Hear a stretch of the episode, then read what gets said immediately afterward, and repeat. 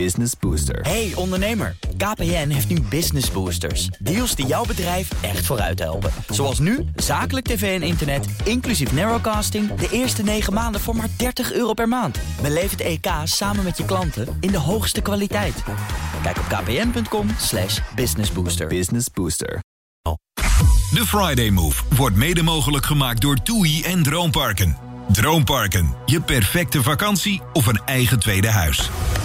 BNR Nieuwsradio. The Friday Move. We zijn een avondklok ingerommeld. Het gaat uiteindelijk om de bestrijding van de pandemie. Het is echt een spoedwet, ja. Het is wel een hoop eh, turbulentie in één keer, wat eh, we van tevoren niet aan zagen komen. Wilfred Genee. Wijnboeren, programmamaker Ilja Gort is vanmiddag mijn co-host. En hij heeft opnieuw een bestseller geschreven. Het is niet te geloven, nu al, dat weten ze nu al. En Shoot Moussou maakt een, leven, een- een reis langs het leven van Maradona.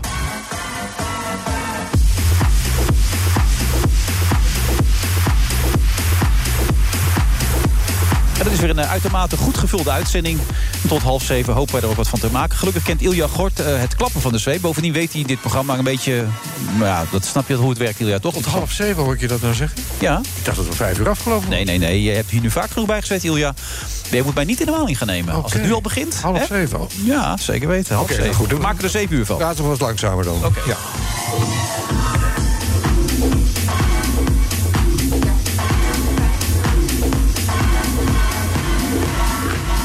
Ja, Ilja, ik wilde eigenlijk zeggen, lang niet gezien, maar dat is niet helemaal waar natuurlijk, hè? Nee, ik begrijp waar je op bedoelt, geloof Ja. ik. Ja. Dat is een, eh, dag of vijf geleden en ik sta in de Albert Heijn. Jij betrapte mij. En ik zie daar een man met flessen wijn sjouwen. En die is die flessen wijn allemaal aan het eh, plaatsen op een, op een grote ton van La Tulipe. En die probeert die mooi neer te zetten. En die staat er foto's van te maken. Dus ik sta er op een afstandje te bekijken. Ik denk, nou, wat is die man nou toch aan het doen? En ik kijk nog eens goed. En ik zie onder de mondkap zag ik een baardje. Maar ik wist het niet helemaal zeker. Dus ik denk, kom er gewoon even bij staan. Dus ik vraag aan jou, wat vroeg ik ook alweer, weet je nog? Wat be- Sta je nou die flessen daar zelf op een rijtje te Juist, zetten? dat zei ik inderdaad. Dat was jouw tekst. Maar toen dacht jij bij jezelf, oh jee, ik word weer herkend. Dat dacht jij hè, op dat moment. Nee, want ik had een mondkapje op. Nee, maar je dacht dat jij toch wel herkend werd. Want je Nou, reageerde eigenlijk ik niet. Je dacht bleef dat- gewoon doorgaan ja, met het dat- werk. Ik dacht dat eigenlijk dat, dat jij een Albert Heijn-employé was... die mij betrapte op een hete daad. Ja. ja. Ja. want je bleef gewoon naar die flessen kijken. Ja, En ja, je ja. bleef gewoon doorgaan Ik met het denk als ik plaatsen gewoon- van die Ik flessen. denk, als ik niet kijk, dan gaat hij misschien weg. ja, dus ik ging doorpraten met Ja. jou. En dus dat duurde een, een tijdje voordat je Ik had je opkeek. ook helemaal niet herkend, hè? dat weet je ook, hè? Nou, maar je hebt ook helemaal niet naar me gekeken. Nee, dus je kon nee, mij ook niet nee, herkennen. Want je klopt. bleef met je ogen gefixeerd op Ja. die flessen. Bleef jij doorgaan met Ja, het plaatsen van die ik hield flessen. niet op, nee. Dus ik zeg nog een keer, eh, dat was wel heel bijzonder. En toen zei ik tegen jou, kom je vrijdag nog? En toen keek je me nog niet aan. Dus Toen zei je alleen maar van, hoe bedoel je dat dan? Ik zei, nou, bij de Friday Move. En toen schrok je wakker, Ja, leek toen het wel. zag ik het, Ja, ja. toen ging die mondkap af en Ja. zei, hé, hey, hallo. En opeens was je ja, heel aardig. Nee, ja, nee, precies. Ja. Toen begon het. Toen voel je je niet betrapt meer en toen... Nee, toen was het leuk. Ja. Soest, sowieso een hele fijne plek om te zijn. Ja, absoluut. Mijn geboorteplaats. Maar wat stond je daar nou in godsnaam te doen? Nou, als je belooft dat je het niet verder vertelt... Nou. is het dus zo dat wij geven aan Albert Heijn... geven we eikenhouten vaten cadeau. Ja. Zo zetten we dan de naam op van Chateau, Chateau La Tulipe. Ja. En die distribueren we in bepaalde Albert Heijn winkels... die dat leuk vinden om dat te hebben. absoluut. Ik kan me voorstellen. En nou is het idee dat ze daar dus La Tulipe flessen op zetten. Ja. Maar sommige mensen doen dat Nee, er stonden niet alleen Die loodsen. zetten daar Nee, verdomme f- flessen op van een of andere- inferieur merk. Ja, precies. kan niet de bedoeling zijn. Nee. Dus die haal ik er dan af. Ja, dat Dan zag Oh, dat zag je. Ik, Ja, dacht, ik zeg, wat staat hij nou te doen? Maar ik zag je al die flessen weghalen Ja, nee. en nieuwe neerzetten Ja, precies. enzovoort. Dan zet ik mijn eigen flessen er neer en dan maak ik een foto en dan, dan zet ik die dan op Maar Facebook. moet je niet gewoon even naar de bedrijfsleider lopen en zeggen... hallo, hier Ilja Gort, wij van de Tulip hebben die eh, vaten er neer laten zetten... dus eh, zou even die andere flessen Nee, af maar het, kunnen? is eigenlijk- Dus het, is, het is meer een, een, een geste van de Albert Heijn... dat we die vaten daar neer mogen zetten. Dat mag geloof ik ook eigenlijk niet echt. Oh, oké. Nee, nee. Oh. Dus daarom zeg ik, ik lul er niet over, want dan houden Nee, hou het even onder elkaar. Ja, en, en ja. daarna reis je gewoon al die, al die Albert Heijns af. Ja, ik heb er nou 847 gehad. Ja. Ze hebben net, eh, dat is heel vervelend, ze hebben net Deen overgenomen... dus er komen nog 80 oh mijn bij. god, nog Ja. weer meer van die vaten. Hoeveel van die vaten zijn dan Gekke werk. Ja, dat gaat maar door natuurlijk. Ja, die vaten blijf je gewoon doorsturen Ja, aan iedereen zeker. daar. Ja, natuurlijk. Hartstikke leuk. Maar dat staat toch ook leuk? Dat geeft een beetje Ja, ik vind het een fijn ja. gevoel Ja, in zo'n winkel. Ik moet jou eerlijk zeggen, Ilja, 70 jaar, but still going strong. Jij laat je niet gek maken. Ik laat hem de pis niet lauw maken. Nee, dat bedoel ik, ja. Nee. Maar eh, Die drive, kun je die voor jezelf verklaren? Waar komt dat vandaan? Om nog steeds zo daarmee bezig te zijn? Ik vind het geinig. Net zoals jij nog zo bezig bent. Ja. Als je doet wat je leuk vindt, dan heb je, ben je nooit aan het werk. Nee, dit Nee. voelt voor jou niet als werk. Nee, Nee, op helemaal. Dit toch ook niet. Dat is hartstikke leuk. dit is ook geen werk. Nee, Ik Loop je fantastisch. binnen, op, eh, dik op tijd altijd. Hè? Je weet dat ik ben. Nou, jij schijnt zeker binnen te lopen. Dat heb ik gelezen. Ja, Is dat zo? Ja, dat, dat was ik ergens. Is dat waar? Ja, in de quote, En man. dat geloof jij? Ja, man. Ach, wel nee, je weet Echt waanzinnig. Terwijl jij nog een paar maanden geleden was je nog de meest gehate man van Nederland. Je was blij dat die bondkapjes kwamen. Misschien nog Iedereen- steeds wel, dat weet jij helemaal niet, Iedereen zat je Ilja. achterna. Dat, eh, Dat was echt Ik vreselijk. weet niet of dat fluctueert eigenlijk ook, dat soort dingen. Ik Wat denk durf jij? nauwelijks nog te zeggen dat ik je kende. Ik heb het een paar keer gedaan, dat viel niet goed hoor. Nee, Dus, eh, je zei de laatste keer ook tegen mij... in jouw geval was ik onder een steen gekropen, zei je nog tegen mij. Ja, dat, eh, dat heb je niet gedaan. Nee, totaal niet. Nee. Nee. Ah, joh. Nee, je bent er toch heel goed uitgekomen eigenlijk, hè? We doen gewoon ons, ons kunstje toch weer. We Ja. zijn weer bezig. Ja. Vrijdag en maandag. Radio elke ochtend. Leuk, hoor. Dit fantastische programma. Alleen Ja. maar topshows. Dus ja, nee. Je moet jezelf ook niet serieus nemen. Maar volgens mij heb jij dat ook altijd tegen mij gezegd. Dat je jezelf vooral niet serieus moet nemen. Nee, natuurlijk niet. Het is maar, het is maar een grapje natuurlijk allemaal. Ja. De echte dingen des levens, daar gaat het bijna nooit over. eigenlijk. En wat, is dan, wat is- zijn dan de echte dingen in het leven? Leven, dood, ziekte, liefde, dat soort dingen. Ja. Nou, in de andere volgorde. Liefde, leven, dood. Ja, nou, in dat kader las ik nog een interview met jou... waarin jij na 18 of 19 jaar relatie erachter kwam... dat je je vriendin altijd gelijk moet geven. Ja, Ja, dat Ja. vond ik vrij eh, heftig om dat te lezen. daar kom ik vrij laat eh, achter. Ja. Maar het is wel zo.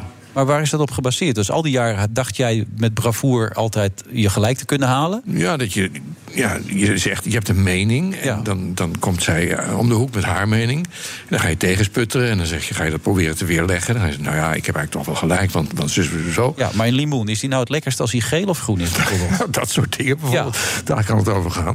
Maar kijk, uiteindelijk hebben vrouwen gewoon altijd gelijk. Omdat vrouwen gewoon veel leuker, intelligenter, gevoeliger zijn. Dus ja, je bent gewoon altijd de lul. Dus Spaar het je motto, nou moet- die moeite? het motto moet zijn, zodra je ook een relatie begint... geef het op, laat het los, het is van de vrouw, zij bepaalt. Nou, dat zou te makkelijk zijn. Was het maar zo makkelijk. Nee, je moet voor de vorm een beetje tegenspartelen. Oh, het is vorm.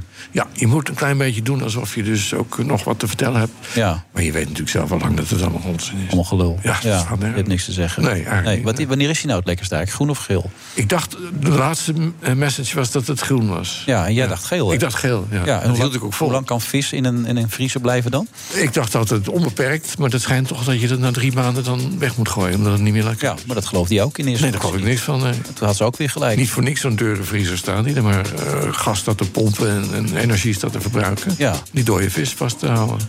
Maar goed, die, die, die kun je dus daar weggooien na een paar maanden. Maar je kan eruit constateren, of concluderen eigenlijk ook dat je relatie goed gaat. Dat is Fantastisch. Ja. Dat kan eigenlijk niet beter. Nee, want je hebt niks te zeggen. Nee. Nee, dat komt er eigenlijk op neer. Nee, we blijven wel kibbelen, dat dus wel. Ja. We blijven wel argumenteren en dat vind ik ook leuk. En ik probeer ook via allerlei manieren om me gelijk te halen. En dat, Maar dat lukt niet. Vind dat lukt eigenlijk zelden. Een hele enkele keer en je dan het is niet het ook feest. pijnlijk dan, als je dat moet... eh, Nee, constateren? want ik leer. De lerende aap, zeg maar. Dat, dat ben ik. De lerende Wacht even, aap. de lerende aap? Ja. Nou, dit wordt al gelijk weer heel precair, dit woord aap. Waarom, waarom een aap? Nou, ik was een keer in eh, Indonesië, op Bali, dus Ja. een paar jaar geleden. En toen was er een, eh, bij een van de tempel was een meertje. En er stond een dode boom in. En aan de rand van dat meertje daar zaten allemaal apen. Die liepen los. Ja. En die klommen in die boom en die gingen in dat meertje gingen ze zitten. Ja, dat doen ze daar, hè? Ja. Ja. en toen ging, om, het was warm. Ja, dat en, klopt. en die zocht de verkoeling. En, maar er liep een man liep daar en die had een katapult. En die pakte steeds steentjes en dan schoot hij mee op die, op die apen. Oké. En ik stond een tijdje te kijken en toen zei ik tegen die man... ik ging naar die man toe, ik zei, waarom doet u dat? En toen zei hij, learn monkey. En ik, ik zei, nou, wat, wat wil je die apen dan leren? Nou, dat ze niet in die boom moeten, ze mogen niet in dat vijvertje. En dat ben ik ze aan het leren.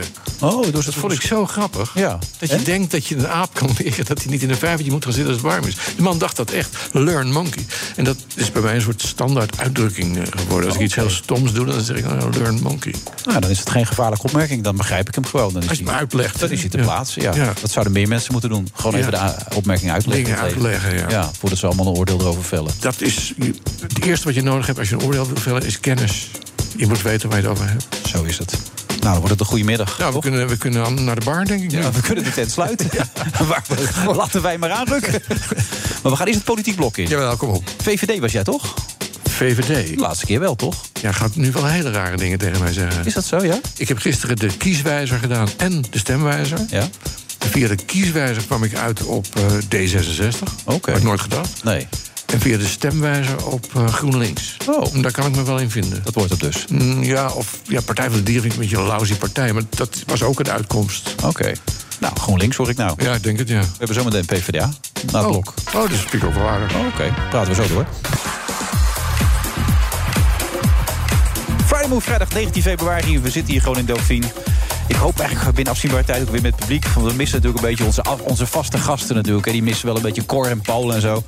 waren ook de enige twee gasten die vaak wilden komen. Maar dat, die missen we wel een klein beetje natuurlijk. Dus dat is zonde. Dus wie weet dat het binnen afzienbare tijd kan. Ilja Gort, dus de man van GroenLinks. Maar ik hoor zojuist de man die aanschuift. Die zegt, nou ja, tussen GroenLinks en D66 zit de PvdA. Ga je zit nou maar Joris Dijsselbloem. introduceer als de man van GroenLinks? Ja, dat heb je net zelf. Ja, de Nee, man de van GroenLinks. stemwijzer zei dat. Ja, nee, maar ja, je hebt nu net gezegd dat jij dan dus nu daarvoor gaat. Ja, de, de, de eerstvolgende alternatief was echt eh, te weird voor woorden. Dus ja, dan toch maar dat. Maar ik hoorde net eigenlijk wel dat hij zei... PvdA is misschien wel een hele goeie, dus stem PvdA. Goed Joris Thijssen gaat gelijk los. Ja, dat Ja, is het die- activistische die moet in je hem, dat kansen hij denkt, die, pakken die pakt zijn natuurlijk, kansen gelijk, die gaat los. Maar eerst wil ik ook nog even zeggen, Thomas van Groningen erbij is. Dat gaat vaker gebeuren, begrijp ik, Thomas, toch wel of de niet? bedoeling. Ja, je komt niet meer van me af nu. Nee, dat vind ik leuk. Ik bedoel, Thomas, jij staat de laatste keer bij. Staat, waar waren we toen ook weer bezig? Waar, Ja, met de Amerika was dat verkiezingen. toen, hè? Ja, Ja, Maar Amerikaanse dat ging goed. verkiezingen. Dat was, dat was lachen, ja. Dan Ik- maakte hij een knipoog naar mij en ik, oh, nu gaat hij wat zeggen. Nu moet ik even mijn mond houden. Dat deed je. En of niet, stak even een hand op. Ja, ga ik nu weer doen. Oké. Ja, als we straks misschien meer bekend worden over die avondklok of zo... eh, in de Eerste Kamer, dan eh, is Ja. het trouwens niet meer spannend, hoor. Maar, Zou ik dus dan eh, zeggen, moet toch een weekje wachten sowieso... wat het gerechtshof er allemaal van vindt? Of- Ja, dat is nu een week uitgesteld. Ja. Dus Ja. De, de rechter zei, eh, we hebben eh, echt heel veel de tijd nodig om, eh, om uit te zoeken, of om dit grondig uit te zoeken wie nou gelijk heeft. Dus volgende week vrijdag om 10 uur dan schriftelijk uitspraak. Ja, komt ze niet slecht uit, denk ik, hè? Dus zo, Nee. zo snel als het woensdag ging, zo langzaam gaat het nu opeens. Ah, dat is wel gek natuurlijk. hè. Toen was het binnen een paar uur kon, eh, konden ze eh, een besluit nemen of het vonnis geschorst moest worden of niet. Dus of de avondklok doorging of niet. En nu hebben ze daar ineens een eh, week voor nodig. Wat wel de politiek ook weer eh, ruim de tijd geeft, de Eerste Kamer, om in te stemmen met die nieuwe avondklokwet. Ja. Dat gebeurt misschien vanavond nog of pas volgende week. Dat is nog even afwachten. Maar ja, ze Ik hebben zie kijkers. daar iemand met een camera staan. Wordt, wordt dit ook uitgezonden op de televisie? of- Miljoenen kijkers. Weet je dat niet? Ja, dit is allemaal. Het is trouwens gewoon een telefoon hè, waar die mee werkt. Ja, nou ja, goed. Maar wel het wat ziet een er ingewikkeld indrukwekkend eh, uit natuurlijk. dingetje. Dus van deze tijd. Ja, wat hè? grappig. Ik zie nu voor het eerst zie ik dus Thomas van Groningen live. Ja. En ik ken alleen maar de stem. Oh, je kent Thomas van, eh, van, de, van, PNR. van de radio. Ja, dat is leuk zeg. En, wat het is je gekke indruk? is dat zo, zo schok is dat eigenlijk voor mij. Oh. Want ik heb altijd gedacht dat dat, dat is een nou, zeg ik, wat klein geschapen, mollige man. Ja. Het blijkt dus een twee meter lange Nee joh. reus van een kerel te zijn. Ik ben 1,73 meter. Dat is een grapje Oh, dit. wacht eh, eventjes. Nee, Nee, nu Thomas. zie- Thomas, je Oh. moet, dit is humor. Sorry. is dit. Oh! Nee. Ja. Ja. Ja. wat is dit voor grap dan? nou, Nou ja, ga nou, Nou, sorry. beschrijving hoe je er daadwerkelijk Nee, sorry. uitziet. Oh, Dan gooi ik die koffie op de grond. Ja, dit zijn geen grappen op deze manier meer. Ah, Shit, jongens, doekje. Het is echt grote chaos. Leuk dat je er bent, Joris Thijssen. Fijn. Je kent het programma, begrijp ik, of niet? Ja, Eh, helemaal. Ja, je Wordt weet dat gezien door miljoenen, dus ja, ik krijg Ja, ook wel eens- nee, je kan het niet missen natuurlijk. Ehm Greenpeace-directeur ook nog staat hier allemaal. Vaak gearresteerd ook, hoorde ik, hè? Toch? Oh, Ja, ik heb veel eh, opgekomen voor mijn idealen. En eh, wel eens een kolencentrale geblokkeerd of eh, een olietanker aangehangen. Ehm, Maar zit je omdat dan ik niet denk bij dat de het heel erg verkeerde partij dan? PvdA is toch veel meer voor werk en economie dan voor groen? Nou ja, dat denken mensen dus de hele tijd dat het of-of is. Terwijl een groene economie heeft veel meer banen dan een fossiele economie. Dus ook voor de banen is het heel slim om, eh, om de groene revolutie en om de energietransitie te doen. En dat heeft de PvdA nu ook door. Dus we hebben echt een prachtig programma om de klimaatcrisis aan te pakken. Wij van de PvdA adviseren de PvDA, heb ik nu al gehoord. Ja, nee, maar Dat is wat je zegt. Heel eigenlijk. sterk. Dat is Ja. de tweede keer al. Dus ik probeer vijf keer te doen Ja, deze uitzending. ik merk het, Kijken ja. of het lukt. Ja, ik vind het wel een sterk punt. Ja, Ja, Yes. nee, heel veel mensen denken, PvdA het gaat alleen maar om werk, economie, eh, Ja. eh, groei. Dat is het laatste wat we nodig hebben, natuurlijk groei. Verhoging van het minimumloon, wat Ploem ook steeds zegt. Dat wil, Dus- heel het, goed. C- Nou, wil het heel goed. CDA niet aan meedoen. Dan is ze weer boos over. Eigenlijk kunnen we niet samenwerken met CDA. Menen ze dat nou serieus of niet? Nou, het CDA moet wel wat, wat groener worden. En inderdaad ook wel wat meer zorgen voor de lage en de middeninkomens. Anders Dus is het geen optie voor de PvdA, begrijp ik. Nee, we moeten echt wel een paar van onze idealen waarmaken. En echt eh, zorgen dat we de belangen van onze kiezers eh, dienen. Want Ja. anders moet je niet in het kabinet gaan natuurlijk. Hoe heeft de PvdA deze week naar de ontwikkelingen rondom nou, de wet waar we het net over hebben gehad eh, gekeken? En eh, het feit dat de avondklokker dreigde aan te gaan. Nou ja, kijk, wij hebben een paar weken geleden ingestemd met die avondklok. Ja. Eh, en we waren nu vooral heel boos dat we dus blijkbaar juridisch broddelwerk hadden gekregen van deze regering. Wat Maar dat was toch eigenlijk al wel een paar laat keer zien. geopperd ook. Het werd al Was gezegd door de Raad inderdaad- van State. Ja, eh, en er klopt. waren al mensen die dat hadden ge- aangegeven. Ja, maar goed, de, de- het belang natuurlijk om corona onder de duim te krijgen is ook heel erg groot. Dus wat wij hebben gedaan al een aantal keren is deze regering aanspreken op het zwalkbeleid rond, rond, het, rond de coronacrisis. Ja. En met name dan het vaccineren, dat het zo langzaam duurt... dat die strategie steeds verandert, waardoor het maar niet opschiet in Nederland. Dat is vooral ons belangrijkste punt geweest. Maar nu inderdaad ook, ja, dit was gewoon juridisch broddelwerk. Ja, moet je niet naar de Tweede Kamer sturen, je moet eerst je werk doen. ja. Maar dat was ook de algemene reactie. Maar de, de verrassing was zo groot. Dat vond ik zo raar, eh, Thomas. Niemand zag het aankomen. Nee, dat En, vind ik zo eh, gek. eh, Ook het kabinet niet, want ik begreep, er was toen op dat moment, terwijl die uitspraak kwam, was er een overleg eh, van de coronaministers. Ja. En ik, ik, ik heb niet heel begrepen hoe het gegaan is, maar in de wandelgang hoor je dat er echt iemand binnenkwam en echt zo even influisterde van, eh, we hebben een probleem. Eh, en, en toen eh, moesten hals over kop moesten van alles geregeld worden. En in één nachtje kon er ineens een nieuwe wet ge- ge- ge- geschreven worden en een toelichting. En kon er ineens heel veel, heel snel. Eh, maar dat moest ook wel. Maar ze schrokken er echt van. Maar dat gaat er allemaal opgelost worden. Die uitspraak volgende week pas, die noodwet, dat gaat allemaal goed komen. Dat is toch geen probleem meer nu? Daar lijkt het wel op, ja. Want Ja, dat is de conclusie. Stroom met een glas water, blijkt Het het enige wat uiteindelijk nog te van belang is, is als volgende week eh, vrijdag dan die rechtbank, eh, z- of het gerechtshof zegt... ja. van nou, het, het is niet goed gegaan uiteindelijk. Hè, de, de oude constructie van de avondklok is niet oké. Dan krijg je nog de discussie al die tienduizenden mensen... die wel een boete hebben gekregen de afgelopen weken. Ja. Wat ga je daar dan eh, mee doen? En er zijn al best wel wat advocaten geweest die hebben gezegd... nou, dan kan je best wel wat gaan terugvorderen. Dus dat is nog wel belangrijk voor, eh, voor het kabinet. Maar er blijft een avondklok, want die nieuwe spoedwet... die lijkt ook in de Eerste Kamer wel Ja. van de meerderheid te Maar krijgen. de discussie is dus, was er sprake van een noodsituatie of niet? Een dijkdoorbraak, een, een overval van de Russen die Groningen hadden ingepikt op deze situatie. Nou, niet alleen dat. Want als je het vonnis van eh, de rechter leest... eh, die die avondklok had verscheurd... die had ook wel echt zijn zorgen bij de onderbouwing. Waarom hebben we nu een avondklok nodig? En hij zei eigenlijk dat het kabinet niet goed genoeg had gemotiveerd... Nee. waarom een avondklok nodig is... en waarom je niet bijvoorbeeld nog naar andere maatregelen kan kijken. Dus die discussie is wel breder. Er wordt door, eh, door het kabinet net gedaan... ja, het is een beetje eh, juridisch geneuzel en dat komt wel goed. Maar de- in dat vonnis is echt wel meer aan de hand. Namelijk, waarom hebben we een avondklok? Dat, dat die rechter zei, ja, ik, ik snap niet zo goed wat nou het argument is. Nee, nou, Vert Grapperhaus deed voorkomen dat die noodwet eigenlijk helemaal niet nodig was, hè, in die persconferentie. Dat het zo ook wel opgelost kon worden. Het CDA staat er toch apart in, want waar een wil is, is een weg. Eh, vandaag zag ik gewoon een foto voorbij komen van Wopke op, op Tialf. Wat vond je daarvan? Dat is een beetje gek. Je had afgelopen weekend op het, scha- op het ijs moeten staan. Ja. Als ja jullie terwijl de schaatshallen wedstrijden- zijn natuurlijk eh, gesloten. Dus daar kan niemand terecht. Nee, maar daar werd nogal Ook, furieus eh, op gereageerd. Wopke Hoekstra niet. Nee, wat, wat vinden jullie daarvan als PvdA? dit kan natuurlijk niet. Kom op, we zitten allemaal in een lockdown en we kunnen heel veel dingen niet die we wel willen doen. En om dan een campagnestuntje te doen en toch op de schaatsen te gaan, ja, ik vind het echt een flater. Ja, CDA. De- Je bent wel eens op zo'n congres binnengevallen, toch daar? De congres over kernafval. Ja, toen wilden ze meer kerncentrales bouwen, vond ik ook zo'n flater. En toen heb ik inderdaad ben ik uit het dak gezakt tijdens een speech van eh, de partijleider. En toen heb ik een spandoekje Ja, laten zien van eh, Ja. je kunt beter investeren in wind en zon. Dat is tenminste iemand die wat doet, weet je wel. In plaats van gewoon de hele dag uit de hoek zitten lullen van hoe het wel. Maar deze man doet iets. Ja, die komt uit het dak. Precies. Ja. Wij gaan uit ons dak, maar hij komt uit het dak. Ja, dat is wel belangrijk natuurlijk allemaal. Maar ik, ik vond het wel een beetje lief van, van, van Hoekstra... dat hij zo, zo onschuldig was om zo'n foto te maken, duidelijk mis... en dat dan op Twitter te plaatsen vanuit het idee van... nou, dat is leuk, dat vinden mensen leuk. Valt de hele wereld over hem heen. En dan zegt hij ook, dat vind ik wel ook wel heel sympathiek van hem... dan zegt hij ook gewoon van, ja, dat is stom, dat had ik niet moeten doen. Ja, maar dat het hoor je la- ook maar weinig mensen zeggen. Lastig is natuurlijk wel, had hij het niet geplaatst... had waarschijnlijk iemand van de organisatie daar een foto van gemaakt. Die had hem dan weer geplaatst. En dan had ze weer geroepen van... eh, hè? Ja, Als bekende Nederlander, als je nu op Curaçao gaat zitten... dan eh, maakt ook iedereen een foto van je. En dan lees je het ook overal terug, toch? ja dat hoorde ik, ja. Ja, zo Maar jij had ik gaat het niet, hè, dit jaar. Ik ben niet gegaan. Nee. Ik ben ook niet van plan. Nee, ik blijf lekker thuis. Even, even ter zake, kom op nou. Plaats 6, Even daar, ja. PvdA. Ehm, wat, wat, wat is jouw insteek om dat eigenlijk te gaan doen? Waarom ben je het eigenlijk gaan doen? Diederik Samson, een voorbeeld begrijp ik ook van je. Ook Greenpeace in het verleden. Ja, Waarom? Waarom heb je hiervoor gekozen? Wat wil je? Nou, ik- omdat. Kijk, ik heb twintig jaar bij Greenpeace gewerkt, omdat de klimaatverandering is een van de grootste uitdagingen waar we voor staan. Ja. En dat klinkt heel dramatisch, maar het is echt zo dat de samenleving zoals we die kennen wordt bedreigd door klimaatverandering. En wat ik twintig jaar lang bij Greenpeace heb gedaan, is om dat, dat onderwerp hoog op de politieke en maatschappelijke agenda te krijgen. En dat is gelukt. Dus twee jaar geleden waren we met 40.000 mensen in Amsterdam aan het demonstreren voor een veilig klimaat. En wat je nu ziet, is dat eigenlijk alle partijen van links tot rechts zeggen klimaatcrisis gaan we aanpakken. Maar wat je ook ziet is dat bijvoorbeeld VVD en CDA afgelopen vier jaar nou de helft hebben gedaan van wat ze beloofd hebben, volgens de planbureaus. Oftewel, het klimaat is niet in veilige handen bij die partijen.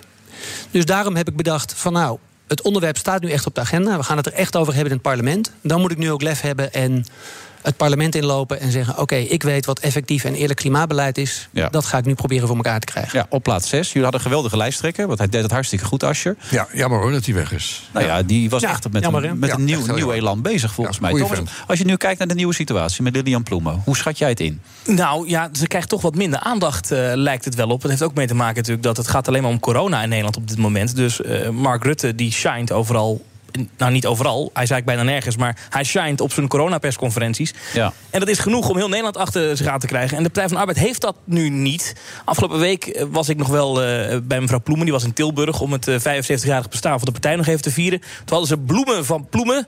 Nou, dat was wel grappig. Maar als je dan keek naar hoeveel mensen nou echt naar die stream keken. Ja, Ja, dat waren het er houdt niet niet over. het, het wa- hield niet over. Maar goed, in de peilingen, eh, ik geloof richting de 12 zetels, hè, is, is de top. Dus dat, het, het gaat best oké. Maar het zijn niet de winsten waar ze op hopen, denk ik, bij de Partij van de Arbeid. Nou, ik zag al wat meer, wat meer winst in de peilingen. Maar, maar goed, kijk, er zijn nog een hoor- hoop ik hoor zwevende één kiezers. vaak, En hoor.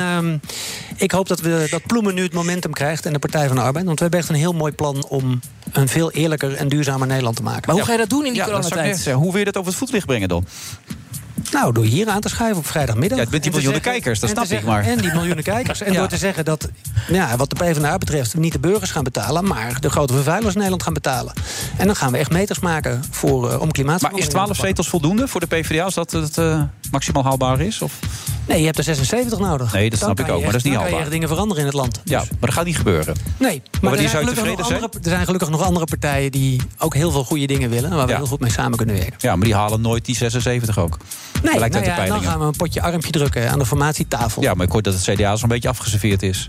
Die blijft al niet Nou, over. nee, dat waren jouw woorden. Die heb ik niet afgeserveerd. Oké. Alleen ja, we zullen ze wel eh, goed diep in de ogen moeten aankijken... dat ze echt werk moeten maken om bijvoorbeeld de klimaatcrisis op te lossen. Ja. Nou, die heb je een paar keer genoemd nu. Dat is echt een speerpunt, heb ik al gehoord. Ja, Nou, ik, ik hoop dat jullie nog veel... eerlijk en duurzame toekomst van de Ja, PvdA. het is Stem de- PvdA, zou ik ook nog een keer noemen. De reïncarnatie van Diederik Samson in, eh, in Den Haag, als ik het zo hoor. We gaan Ga je voor dat groen. straks ook een pak dragen en een das en daar zo voor doen? Dat deed Diederik eh, toen, vlak ja, dat voordat weet ik het niet. begon allemaal. Wat maakt dat nou uit wat je Ja, dat draagt? maakte toen het gaat om- verschil. gaat om Dat wat je maakte toen, hij trok uitdraagt. opeens een pak aan en het deed een das om. En dat werd opeens een ander verhaal. Dat is echt zo, dat was echt goed bedacht Ga je allemaal. dan ook anders praten, denk je? Nou ja, ik bedoel, ik kende Diederik al heel lang van schoolfeest. Dat zat bij mij op het gymnasium. Ah, oké. Die wilde haar en die grote trui. En opeens zat hij daar in een pak en een das. Dat vond ik even wennen hoor, allemaal. Dus in dat opzicht eh, heeft het wel gewerkt. Het is hem niet goed bekomen, inderdaad. Uiteindelijk Op niet. termijn. Nee. Hoe is het bevallen, Thomas, trouwens? Nou, ik vind het wel gezellig. Ja? Ja. Oké, ja, ik moet helaas Ik alweer heb er stoppen. naar Ja, sorry. Ik, het spijt me ook. eh, Maar volgende keer weer. Joris, bedankt. en gedaan. succes ook vooral. Ja, dankjewel. Ja. Gaan wij nog even door? Ja, zeker. Oké. Stem op Joris, zou ik zeggen. Nee, je hebt net GroenLinks genoemd dat je dat... Ja, maar ik ben nogal... Ik ben, Jongen, jongen, als het zo gaat. Ja. Wat een mooi programma. BNR Nieuwsradio. The Friday Move. Mevrouw, ik vraag u. Nee, nou dan, u mag niks zeggen. Dringende oproep aan Nederland. Houd je aan die avondklok. nu het moment in de crisis dat het perspectief er gewoon echt moet komen. 50% korting op het collegegeld. Wilfred Genee. Sjoerd Massou ging op zoek naar Maradona... en hij vertelde ons nu wat hij allemaal gevonden heeft... in deze uitzending van The Friday Move.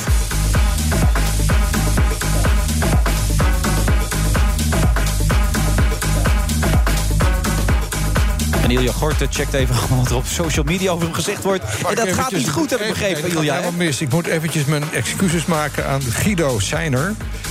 Die heeft zeven minuten geleden heeft hij getweet. eh, beste Gort, ik heb je hoog zitten, maar de Partij van de Dieren een lousy partij noemen. Twee keer nog wel, had ik niet van je verwacht. Wat ben je toch een lul. Eh, Guido, sorry, ik heb dat niet zo bedoeld. Ik bedoelde dat het een partij met een beetje een malle naam is. Maar de beginselen van de partij... Wat is dit? Eén iemand die het een beetje kritisch is, je gaat dan gelijk helemaal in de Dat verdediging. Nou ben ik niet gewend. Kijk, jij bent gewend dat je elke avond over je heen...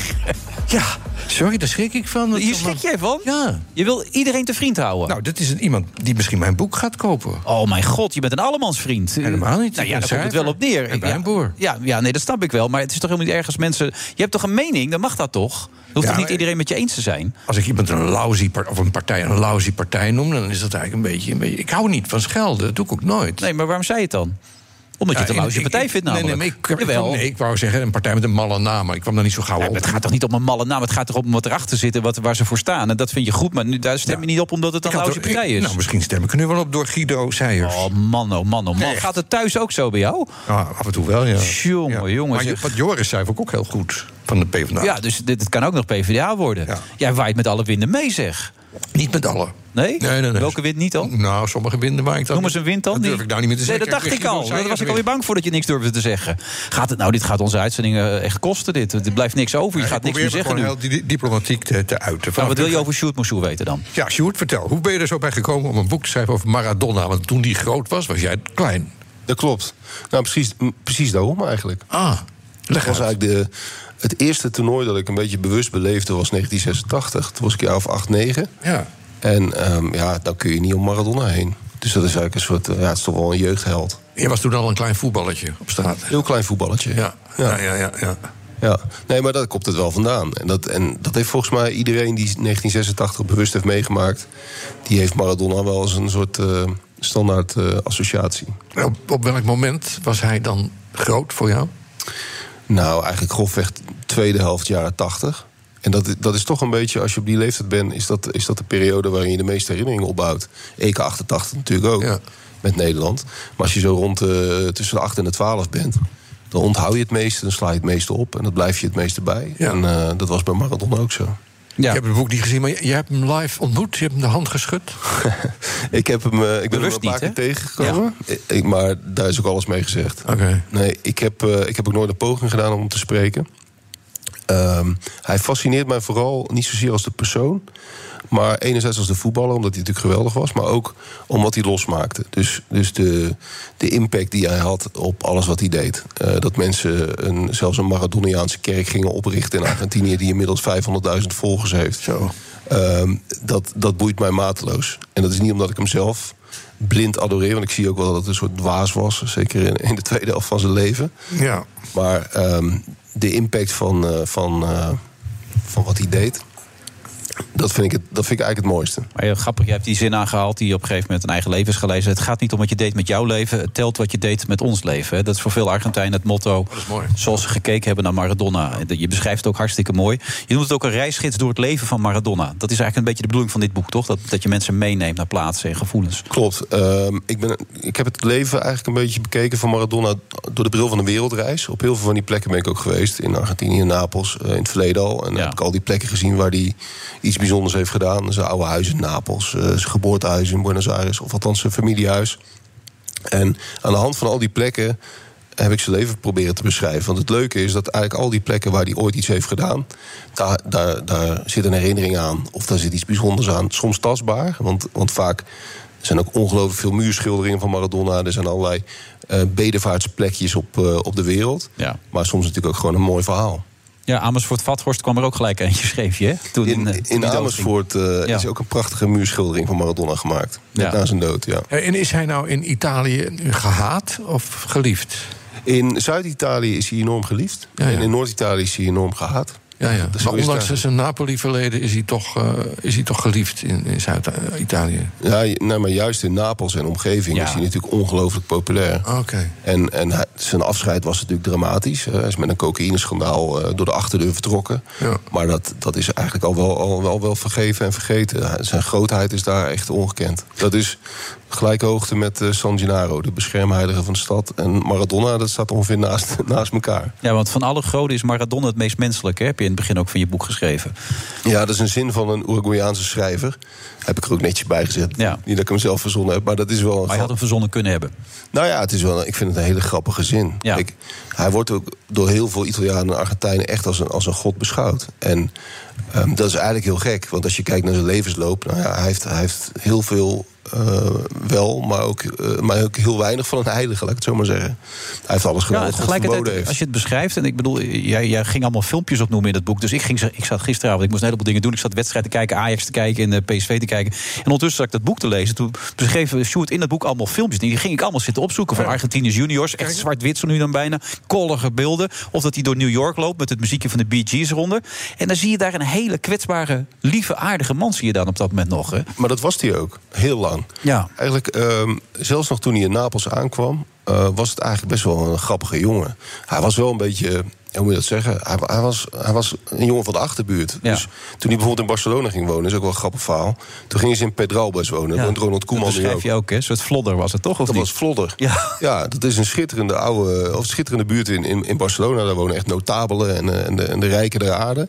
En er kwam opeens een Argentijns eh, zootje, ongeregeld. En een kwam heleboel daar. familieleden en vrienden, alles iedereen zat er. hè? Iedereen ging mee, ja. En die stonden lekker in de tuin te barbecuen. En zo. De, hele, de hele buurt sprak er schande van. Ja. Maar dat, dat, is ook Mar dat was Maradona. Hij was een hele volkse jongen. Maar hij was wel... ehm, hij, was, hij was niet gek of zo. Nou, maar je beschrijft hem dat hij eigenlijk, eigenlijk de last van iedereen op zijn schouders wilde nemen. Dat hij eigenlijk iedereen ook wilde helpen. Ja, hij, hij voelde heel veel verantwoordelijkheid voor, eh, voor de mensen om zich heen. En, en ook van de mensen die, die allemaal iets van hem verwachten. Die nam die allemaal op zijn rug. En toen hij in Napels kwam, toen de, me- waar de mensen hem echt adoreerden op, op de bijna ziekelijke af. Toen zaten er zoveel Napolitanen op zijn rug dat het dat kon nooit meer goed gaan. Nee. En toen heeft hij, hij heeft op een gegeven moment wel een soort mechanisme ontwikkeld. Ehm, Daniel Cucci is een go- een goede vriend van hem en is ook zijn biograaf. En die heeft het ook wel eens verteld. Dat iedere keer als het zeg maar eh, misging in zijn leven. Je hebt heel veel opkomst en ondergang gehad hè, met Maradona. Dan zat hij weer op de hoogste bergen en dan donderde hij weer naar beneden.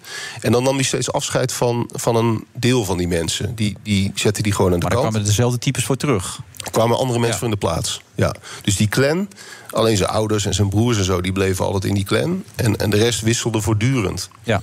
En iedereen, daar zaten ook allemaal eh, mensen bij die iets van hem wilden, natuurlijk, die bij hem wilden horen, die het allemaal wel prachtig vonden. En daar liet hij zich ook wel mo- door misbruiken. Daar zat in Napoli natuurlijk ook de maffia bij. Nou, je, je schetst dat beeld, hè, want jij vroeg, je hebt hem een hand gegeven enzovoort. Maar je hebt er bewust voor gekozen, ook de gelegenheden waar het misschien wel had gekund om het niet te doen. Ik ben toevallig zelf dan bij de afscheidswedstrijd, eh, ben, mocht ik zijn, omdat als commentator van RTL.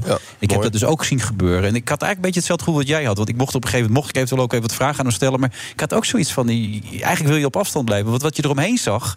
is veel interessanter. Ja, die collega van Raymond Bouwman, die maakte een documentaire over hem. En die zat een hele week te wachten in zijn hotel. En het enige wat er voorbij kwam, waren hoeren die naar boven en naar beneden gingen vanuit zijn hotelkamer. En er kwam weer een nieuw gezelschap voorbij. Zo nu, dan kwam hij voorbij struinen.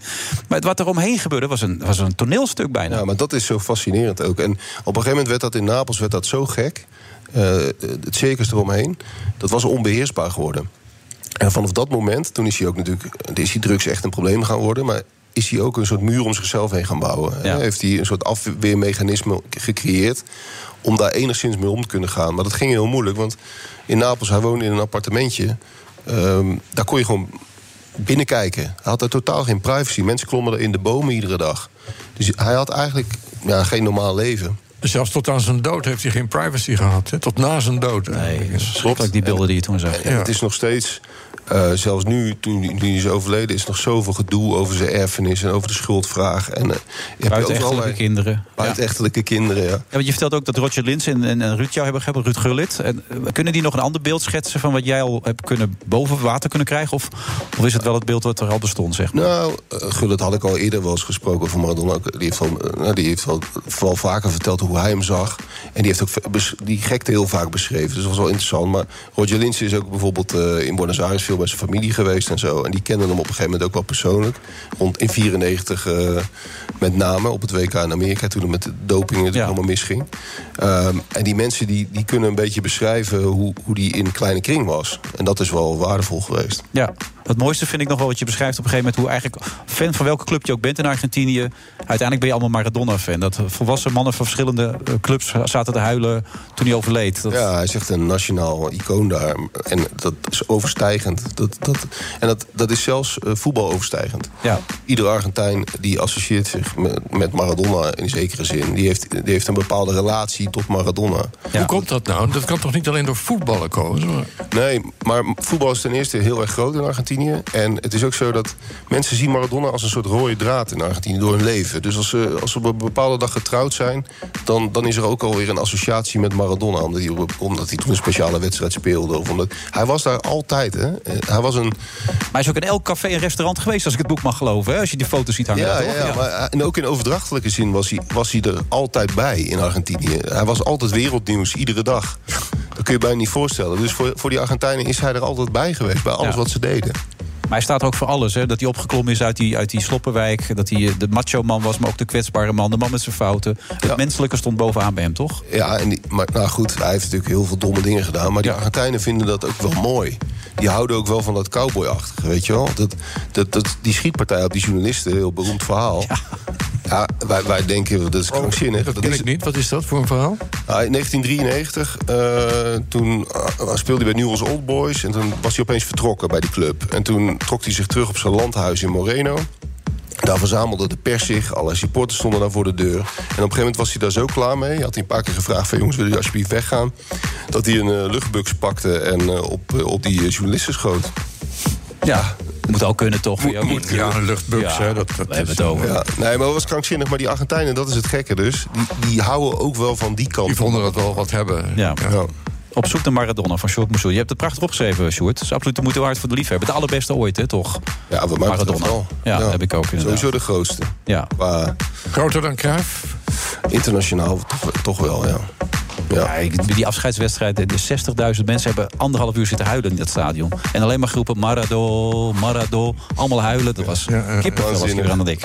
Ja, bedankt dus, Short. Ja, graag gedaan. Oké.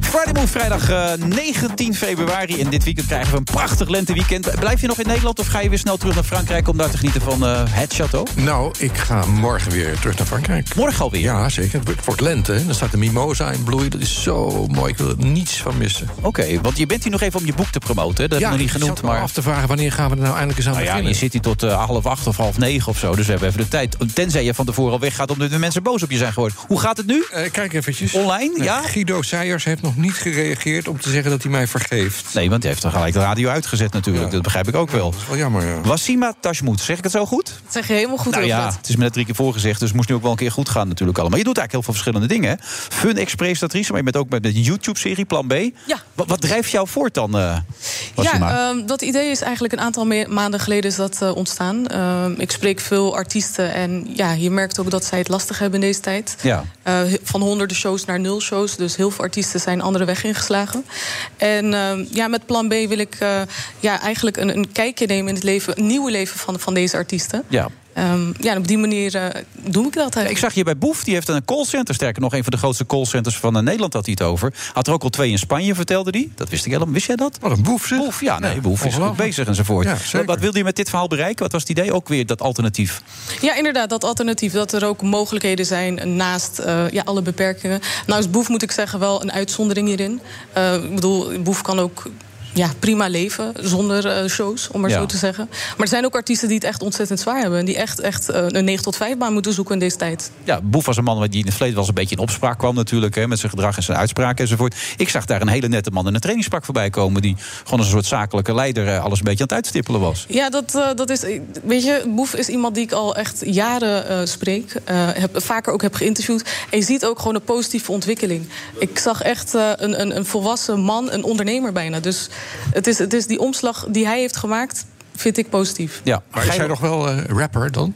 Ja, hij maakt nog steeds muziek. Nu wel, wel op een lager pitje. Ja, ja. Maar eh, hij focust zich nu voornamelijk op, op zijn ondernemingen. Dus dat kan samengaan. Zakenman zijn en, en rapper. Kan zeker samengaan. Dat ja. zijn natuurlijk een Ja. stomme vraag. eigenlijk. Er zijn heel veel voorbeelden van. Al die rappers zijn eigenlijk zakenmannen hè, in wezen. In principe wel, ja. Ja. Zo kan je het ook zeker En bekijken. jij ben je een zakenvrouw?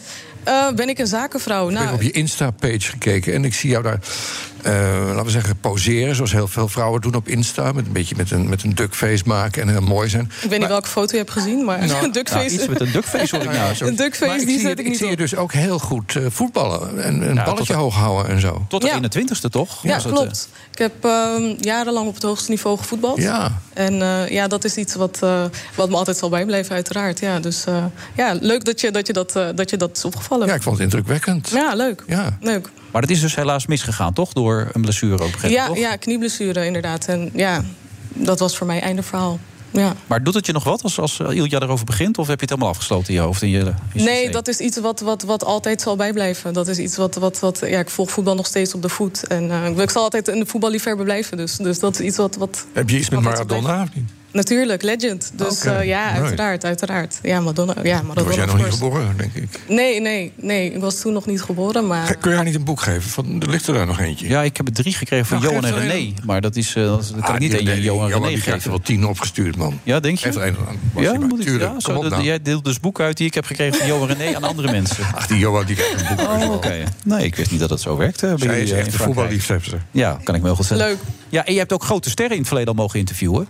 Ik moest even opzoeken. Cardi B? Cardi B. Cardi B, Ja. inderdaad. Eh, French Montana? Ja, ja. klopt. Ik heb ze allemaal opgeschreven. Ik ken ze echt niet. Nee, echt sorry. niet? Nee, ik, nee, sorry, ik ben 53, hè, Ja. denk ik wel. Hmm. Jij kent French Montana niet? Ken jij hem wel? Tuurlijk. Ja? Noemen ze wat nummers dan? Wat een watje, ze. Ja, noemen ze wat hits. Even tussen ons, was hij maar. Hoe, hoe ging het met, eh, met eh, French? Ja, French. Ja, dat was, eh, dat was toen in Amsterdam. Dat was tijdens een eh, festival. En ehm, ja, dat is een, een ontzettend grote internationale artiest. met eh, nummer één hits achter zijn naam staan. En ja, dat, dat is mooi als je die artiesten ook eh, in Nederland te spreken Dat is krijgt. toch te gek? Hetzelfde geldt voor Cardi B. Ik denk een van de grootste vrouwelijke rappers op dit moment. Dus eh, ja, dat zijn mooie dingen. Ja. Ben je zelf eigenlijk ook een rapper? Pijnlijk als Nee, nee, nee. Ik wou dat ik het kon. eh, kan maar ook eh, niet. Ja. nee, ik, ik, ik ben niet zo muzikaal aangelegd. Dus eh, voor mij is dat niet weggelegd. Oh, dat is jammer. Het staat wel mooi in, in je carrière gepast. Ja, denk je? ik wel. Ja, te gek. Ja, nee, nee, nee. Ik, ik, ik waag er ook niet op. Nee. Nee. nee wat, wat is jouw doel dan wel in je leven? Wat, wat, wat wil je, na- waar wil je naartoe? Nou, ik, ik vind wat ik nu doe, eh, vind ik ontzettend leuk. Ehm, en en wat, wat uiteindelijk waar mijn hart ligt, is sowieso ook sportjournalistiek. Ik, eh, Echt waar? Ja, zeker. Mijn hart eh, ligt nog steeds eh, heel erg bij het voetballen. En ik volg het nog steeds op de voet. En eh, ja, daar klopt mijn hart zeker sneller van. Dus, Maar waar zou je voor willen werken dan? Voor welke eh, organisatie? Voor welke zender dan? eh, Poeh, ja, dat... dat- Bij, geen- bij, bij, E laat bij het helemaal- ESPN zie je heel veel dames voorbij Zeker, komen zeker, namelijk. zeker. zou je dat ook Mooi kunnen? 100% Dat eh, weet ik wel zeker, ja. Ja, zeker. Dus als ze 100% nu zeker. bellen, dan kun je meteen aan de bak. Dan ben, denk ik, je- eh, dan ben ik ready. Wat leuk. Ja. Zitten er voorbeelden bij waarvan je zegt... die doet het hartstikke goed dan bijvoorbeeld? Nou, ik vind eigenlijk dat al die dames het hartstikke leuk doen. Dus eh, ik, ik vind dat ze het ontzettend leuk doen. Goed doen ook. En ik, ik, ja, ik vind het tof om te En hoe om ga te je dan zien. onderscheidend zijn in deze situatie? Hoe zorg je ervoor dat ze jou gaan nemen? Wat maakt jou goed? Wat maakt mij goed? Eh, ik denk gewoon puur door mezelf te zijn, door wie ik ben. Ik denk dat de mensen die mij de afgelopen jaren hebben gevolgd... dat ze weten wat voor stijl ik zelf ook heb. En ik denk dat... Maar ben je dat ik- kritisch, of ben je grappig, of ben je goed geïnformeerd? Wat, wat is jouw handelsmerk? Wat maakt jou onderscheidend? Ik denk dat ik in dat opzicht ook wel kritisch eh, zou zijn. Ja. ja, dus echt gewoon, ik, eh, ik zou gewoon op de man afstappen en eh, zeker kritisch. Maar ook eh, doorvragen. Want ik vond je bij Boef vond ik je heel aardig. Die, die Ja. heb je niet echt aangepakt. Nee. Je had je best aan kunnen pakken, maar dat deed je niet. Ja, maar zijn vriend, hè? Die, dat is Oh, Nou, dat ligt gevoelig. Maar aanpakken in de zin van? Nou, een beetje doorvragen. Ook eh, de andere kant, een beetje de, de, de rafeltjes ook een beetje benoemen enzovoort. Je ging zelfs in dat callcenter op een gegeven moment mee zitten Ja. doen, zag ik. Je ging ook nog even bellen met die mensen. Het ging wel goed uiteindelijk, hè? Het ging, het ging hartstikke goed. Het ging hartstikke goed. Kijk, het doel van plan B is niet om de achterkant van zijn organisatie eh, te bekijken. Nee. Of, of wat dan ook. Ehm, ik wil gewoon juist met plan B laten zien dat er ook eh, mogelijkheden zijn. En, eh, niet probeert te in beperking- inspireren eigenlijk, Ja, dat is het idee. ja, op die manier inderdaad. Dus, eh, Er gebeuren allemaal gekke dingen op die telefoon voor jou. ja, het gaat ondertussen, hè? los hoor. Ik zit eh Ja, maar bij BNR. Dus, miljoenen eh, het gaat kijkers. helemaal los. Dat krijg je dan. Het gaat Misschien is het, helemaal eh, tekeer. Guido. Misschien is het Guido Seijers die haar nu... Nee. Maar en al die dingen verzin je ook zelf. Want al die concepten komen uit jouw koker dan ook. Die dingen die, Die, je eh, doet. ja, plan B eh, is, is uit mijn koker eh, gekomen inderdaad. Ja, klopt. Dus, eh, En gaat het goed? Krijg je steun? Dan komt het van de grond? Lukt het allemaal? Dat soort dingen. Absoluut. Ik eh, krijg heel veel steun vanuit Phonics, heel veel steun vanuit eh, de muziekindustrie. Ehm, ja, het wordt gewaardeerd door de kijkers ook. Dus, eh, Wat leuk. Leuk. Maar het is Ja. een tussenstap, heb ik nou begrepen. ISPN moet gewoon bellen, of Studio Sport, of eh, RTL, of waar werk ik ook alweer? Oh ja, Alpa werk ik inderdaad. Ja, die, die kunnen allemaal bellen, begrijp ik, toch? Absoluut, ja hoor, zeker. Nou, dat is wel goed, toch? Een beetje ambitie uitspreken in het leven. Dat is fantastisch. Ja, dat is ook een goede naam. Wasima Tashmoet, als je hem zo uitspreekt. Ja, en je spreekt hem ook goed uit. Ik schakel even over nu naar eh, Wasima Tashmoet. Hoe is het eh, aan de rand van het veld op dit moment, eh, Wasima? Hoe staan de rand van op het veld op dit moment? Ja, ik denk eh, hartstikke goed, joh. Ja? Ik vond het prima ook, hoor. Speelt Ajax lekker op dit moment? Ik eh, denk dat Ajax het, eh, het, het ontzettend goed doet op dit Ja? moment. Ja, hoor. Wat vond je ze gisteravond Ja, ik ben, tegen Ik ben Lille? Ajaxiet, hè, dus, dus voor hoe mij vond je is het gisteren echt, tegen eh, Lille Ik heb gisteren alleen niet gekeken. Dat is het Oh, voor mij, ja. wacht Ja, dus je daar je ga hebt dat klikkeren gekeken, of niet? Marble Mania. Ik heb gisteren niet gekeken. Ik lag best wel vroeg in bed, moet ik eerlijk zeggen. Dus eh, gisteren heb ik niet gekeken. Maar- maar- hoe- wa- eh, vroeg in bed, het begon 9 uur. die Ja, ik wedstrijd. weet het. Ik weet het. Maar ik heb best wel lange dagen achter de rug. Dus eh, Oh, Oké. die heb ik gemist. Maar ik vind het goed die ambitie uitspreken. Je bent al met heel veel leuke dingen bezig. Maar het beste gaat nog komen, als ik het zo mag geloven. Daar gaan we voor. Heb jij nog als Nestor een tip aan deze tafel? Nou, ik heb even gekeken en ze doet het echt fantastisch. Ja. Ja, De vrouw met de vele gezichten. Ik was echt onder de indruk. Echt Ja. wel. Eh, Als ze Ja. ESPN zijn, dan zou ik onmiddellijk bellen, zeg jij. Direct. Ja. Dankjewel. Nou, de telefoon gaat al, zie ik. Dankjewel, Ja. Cosima. Wordt nog Dankjewel, gebeld. Fred. En Dankjewel. succes, hè? Oké, Dankjewel. goedjes. Hoi, hoi. De Friday Move wordt mede mogelijk gemaakt door TUI en Droomparken. Droomparken, je perfecte vakantie of een eigen tweede huis.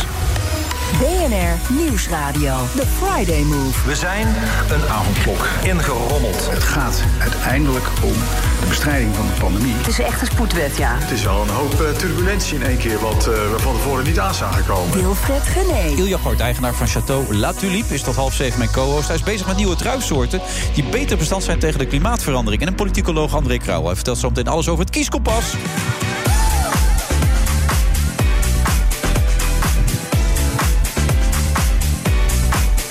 Ik weet weet niet waarom, want met mijn stem nu zo omhoog ging. Kieskompas sloeg ik nergens op, maar dat kwam omdat ik een beetje haast wilde maken... en dan die, die snelheid een beetje omhoog wilde gooien. En dat, dat, eh, dat doe je het dan voor, hè? Het piekte dan wel uit. Wanneer gaan we dan mijn eh, boek eh, promoten? Ik had je een boek opgestuurd. Ik heb geen boek van je gekregen. Heb je een boek uitgebracht? Jawel, ik heb het opgestuurd eh, nou, naar wie dan? Naar mijn huis? Naar jouw huis. Echt waar? Ja, zeker. Ben ik dan verhuisd? Nee, toch? Twee weken geleden. Nou ja, dat Niet zal wel- gekregen. Je staat op de, op de mailinglist VIPs. Oh, ik heb het niet eh, gekregen. Er Matthijs zat van zeker Nieuw- geen mondkapje om dan. Nee, je staat tussen Matthijs van Nieuwkerk en Joop van Denden, volgens mij. Oh, Dus je had het moeten krijgen. ben ik van de lijst afgehaald. Het is niet heel, heel erg raar, toch, dat ik van de lijst ben gevallen. Toch? En voor nou, niet sommige van mensen mijn van de lijst. lijst afgevallen. Nee, maar. nee. Nou, het is goed dat ik nog een boek heb Maar ik zie dat je een boek meegenomen. bij je hebt, inderdaad. Mag Bed ik je and dat dan bij Breakfast. deze onder- eh, overhandigen? Ja, je had me wel geappt. Ik heb een nieuw boek. Zou ik er ja. langs op zijn? Nee, altijd leuk. Moet je doen. Een wijnboer raakt verstrikt in de misdaad. Het is weer een roman. Zeker. En je leef je altijd een beetje in, lees ik in die romannen. Van die hoofdpersonen. Dat ben Zeker, je eigenlijk ja, zelf. daar ben ik eigenlijk Dan zelf. laat je eigenlijk in zakken zo'n beetje ook. Ja, precies. Dat zeg je mooi. Ja, Mag je dat- iets weggeven van deze nieuwe roman? Als het niet te veel is. Nou ja, dat is aan jou. Zeg maar, wat wil je erover kwijt? Wat wil je wel en niet kwijt, zeg maar? Nou, dat, die, eh, dat het een heel leuk boek is bijvoorbeeld. Begin daar eens mee. Het is een heel leuk boek, heb ik net gehoord. Ja, is echt heel Eh, Maar wat maakt het boek zo leuk dan? het is om te lachen. Oh, maar dat is toch altijd bij jou wel een beetje? Ja, eigenlijk wel, hè? Ja, je zit wel ik humor om probeer te wel lachen. wat diepere lagen aan te brengen, maar die zijn alleen voor de fijnproevers. Maar kun je dan een, een beetje het basisverhaal schetsen?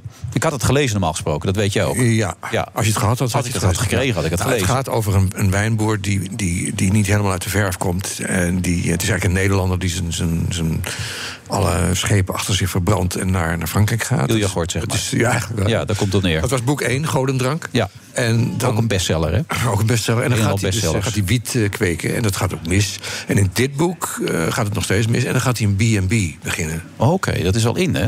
Op tv zie je het ook heel veel B&B-programma's. Ja, Bed and enorm. Breakfast is Ja. allemaal in, ja. Ja, dus ik dacht, als deze warhoofd uit dit boek, als die een B&B gaat beginnen, dat, dat is, dat is Fawlty Towers eh ja, punt 2.0. 2.0. Ja, geweldig. Dus, en dat is ook gelukt. Het is hartstikke leuk. Dit is hartstikke leuk. Ja, geweldig, ja. Dat is altijd fijn om van je eigen werk te kunnen zeggen natuurlijk ook. Maar heb ik ook mensen gehoord die dat ook vonden? Mm, nou ja, hij is één week uit en hij kwam meteen eh, als hoogste nieuwe binnenkomer in de bestsellerlijst. Dus er zijn meer van die gekken die dat ook vinden. Ja, maar er zal toch dan ook wel een recensie zijn dan? Op Nee, nog inmiddels niet. Dat is nog te vers. Oké. Nou ja, ik heb op, eh, op bol.com heb ik zelf een recensie geschreven. en die is heel gunstig. Ja, dat doen alle schrijvers. Ja, doen ze dat? Is dat doen zo? allemaal. Ja, ja, ja. De eerste recensie moet je nooit geloven. Echt waar? die is van de schrijver zelf. Met me... Ja, dat is echt waar. Ja. Oh, Oh, zoals Gordon altijd zijn eigen plaatjes kocht. Dat hij altijd dat op weet één ik kwam. niet. Deed ja, ik die dat, ja? kocht gewoon 10.000 platen voor zichzelf in. Zo. Zit hij goed in zijn Dus platen dan? Ja, nee, hij heeft een hele schuur vol staan, denk ik. Ja, nee, maar dat schijnt een trucje dat zij het heel veel wordt gebruikt. Ook in de, in de, in de, in de, in de artiestenwereld. Dat Oké. je dus nu jezelf een beetje plucht. Maar dat hoort er een beetje Je kunt er bij nooit winst maken als je tegen, tegen winkelprijs plaatjes gaat kopen. Nee. Maar ik, moet dus wel, ik ga hem zeker lezen. Hoor. Ik vind Oh, het echt ja, vervelend graag. dat ik, dat ik hem nog niet heb gekregen. Dan kom ik gewoon terug als je hem hebt gelezen. Ja. Maar vind je het toch goed dat ik ook even over die nieuwe druiven begin dan? Of zeg je nou, nee, doe maar. ik wil dat Ja. boek eigenlijk veel liever promoten? Ja, eigenlijk wel, ja. Hoeveel bladzijden heeft het boek? Nou, ergens tussen 280 of zo. Kijk eens. Oké, even kijken hoor. Hier. 214 maar. Je hebt er 214? Een beetje van afgemaakt, ja. Oh. Ja, de- Nou, het is een beetje klein gezet. wat, wat, welk, welk lettertype is dit dan? Dit is de Agricola 2 eh, 2.12. Nou, dan heb ik echt alles over het boek gezegd. Ja. Oké, dan even die druifsoort. Wat, wat houdt dat in dan? Wat bedoel je? Die nieuwe druifsoort, wat, wat, wat is er anders aan? Oh, we dan? gaan het nu over de druivensoort hebben. Ja, oké. Ehm, ja, ik moet even omschakelen. Ik ben niet zo snel als jij. Oké, Bed and Breakfast, zo heette het boek. Zo heet het boek. Dat sluiten we nu af. Is nu verkrijgbaar in de winkel voor de betere wijnliefhebber. En Wat kost die? Nou, ik schat 16,95 of zo. Nee, 99 staat hier. Oh, 16,99. Ja. Albert Heijnprijs. Ja. Ja, oké. Ik had een recensie gelezen op bol.com. Nee, ga maar door. die druivensoort, de nieuwe soort druiven. Ja, ehm, ja nou, wij, wij al... Je moet echt schakelen, hè? Al drie- Kijk anders even op je Twitterbericht of er misschien iets leuks is binnengekomen. Of die gozer inmiddels gereageerd heeft toen jij zei nee, dat het die een reageert niet meer. walgelijke partij is, die eh, Partij Nee, voor de die heeft Dieren. niet meer. Die heeft me dus... Gio Seijers heet die. Ja. Die heeft Mag me één niet, hè, keer wat je nu eh, doet. lelijk tegen me gedaan, maar die, gaat- die blijft nu weg. Maar niks, geen positiviteit Nee, ondertussen. nee, tussen. helemaal niks. Oké. Jammer. Vertel eens wat over die druif. Die schijnt Ja. heel anders te worden. Nou, het zit dus zo dat wij al die- een aantal jaren lang in Bordeaux eh geteisterd worden door tegenvallende druivenoogsten.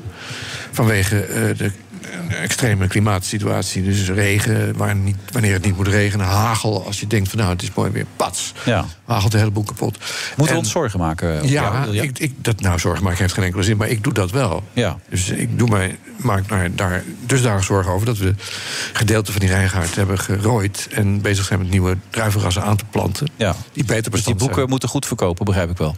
zijn. Ehm, Bed and Breakfast staat hier. Roman, leuk. ja, dat is een heel leuk boek. Ja. Ja. Maar goed, die druiven die doen het dus. eh, daar zijn we mee aan het klooien. Ja, maar dat, die, is, die is sterker, die druif. Dat is iets bijzonders. Dat, wat, wat kan die druif anders? Wat Nou, eh, smaakt die wel een beetje zijn ook als nu wijn aan- straks? We zijn nu aan het experimenteren met druivensoorten uit Als van die Portugal. hardgekoken eieren worden, dat wil je ook niet natuurlijk. Nou, dat is dan net wat we gaan, gaan doen. We gaan kijken hoe het, hoe het pakt. Dus we gaan nu Portugese druivensoorten aanplanten en Spaanse druivensoorten. En kijken dit jaar hoe, of dat beter gaat. Want je mag in Bordeaux geen water geven. Dus we mo- ze moeten echt bestand zijn tegen weinig water. En eh, bestand zijn tegen, tegen temperatuursverschillen. Dat gaan we nu doen. Ja. En dan, maar dat doet jouw zoon toch nu allemaal? Die- Dat heb je toch een beetje aan Klaas opengedragen? Of? Ja, maar we doen het ook een beetje samen. Toch wel? Wel, het is niet zo dat ik dan helemaal niks meer hoef te doen. Dus we moeten nog wel regelmatig dat een beetje samen allemaal berappen. Ik, ik, ik- het is nou niet grappig bedoeld, maar maak je je echt zorgen? Want ik bedoel, het is natuurlijk door die verandering van het klimaat... blijkbaar voor niet alleen jou, maar ook voor al die andere wijnboeren... een stuk moeilijker geworden dus. Nou, het is dat ik zo vrolijk van aard ben, maar anders zou ik echt gedeprimeerd kunnen raken van het, de klimaatcrisis waar wij in verzeild zijn. Is dat zo extreem? Want ik bedoel, er werd net al een beetje gesproken over door onze... Ja, Ja, ik vind het vreselijk. Ja, het is echt vreselijk. Is dat zo extreem aan het Ja, worden? smeer, smeltende ijskappen, omgekapte oerbossen, het Amazonewoud. Want om een beetje palmolie te winnen, dat is een heel Amazonewoud. Oh, je maakt er gelijk het wereldprobleem van. Ik zat even jouw, eh, jouw situatie te kijken. Ja, maar dat, dat komt bij mij terecht. Ja, dat- Al dat glazen dat, dat boven mijn wijngaarden pakt zich dat samen. En dan krijg ik de zure wijn van. Maar heb je dat dus door echt zien veranderen door de jaren heen? Ja, heel duidelijk, ja. Dus twintig jaar geleden had je hier helemaal geen last van? Nee, nee, het is echt de zomers zijn nu heter. En de weersomstandigheden zijn extremer. We hebben nu in bijvoorbeeld mei, april opeens enorme regenval... die we vroeger nooit hadden. Dan komen die, die, die bloesempjes, die druivenstruiken, die gaan uitlopen. Dan komen er hele kleine bloesempjes aan. Dan krijg je opeens een hagelbui van hier tot Tokio. Hagelt alles eraf, is de hele boel naar de kloten. En dan hou je nog ja, een heel klein beetje over. En dat, dat verbrandt dan met de zon. Even, Ik schets nu echt een... een een Ja, ja, soort- je speelt een horrorscenario bij Jan ja, Schets ja, op dit ja. moment. Ja, een, een dystopie.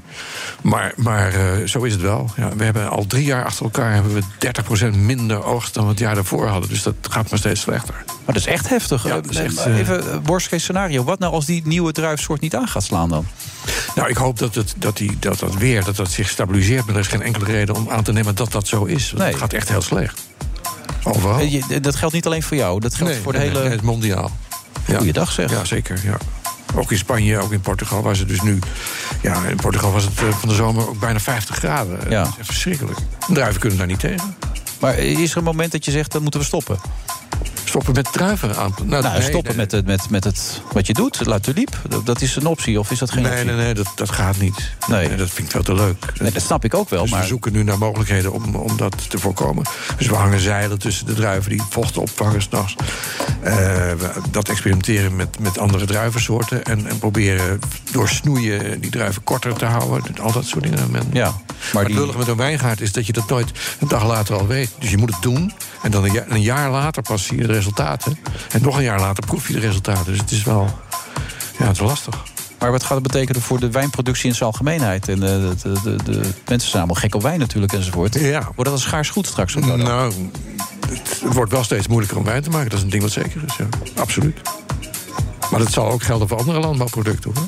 Ik denk, Daar maak ik me dan geen zorgen over, maar overdrijven dan weer wel. Nee, dat kan ik me voorstellen. En, eh, dat, dat, eh, dat snijdt diep. Het is best een serieus verhaal dit. Hè? Ja, man. Ja, ik wist niet dat het zo heftig was. Het is echt helemaal ruk, ja. Ja.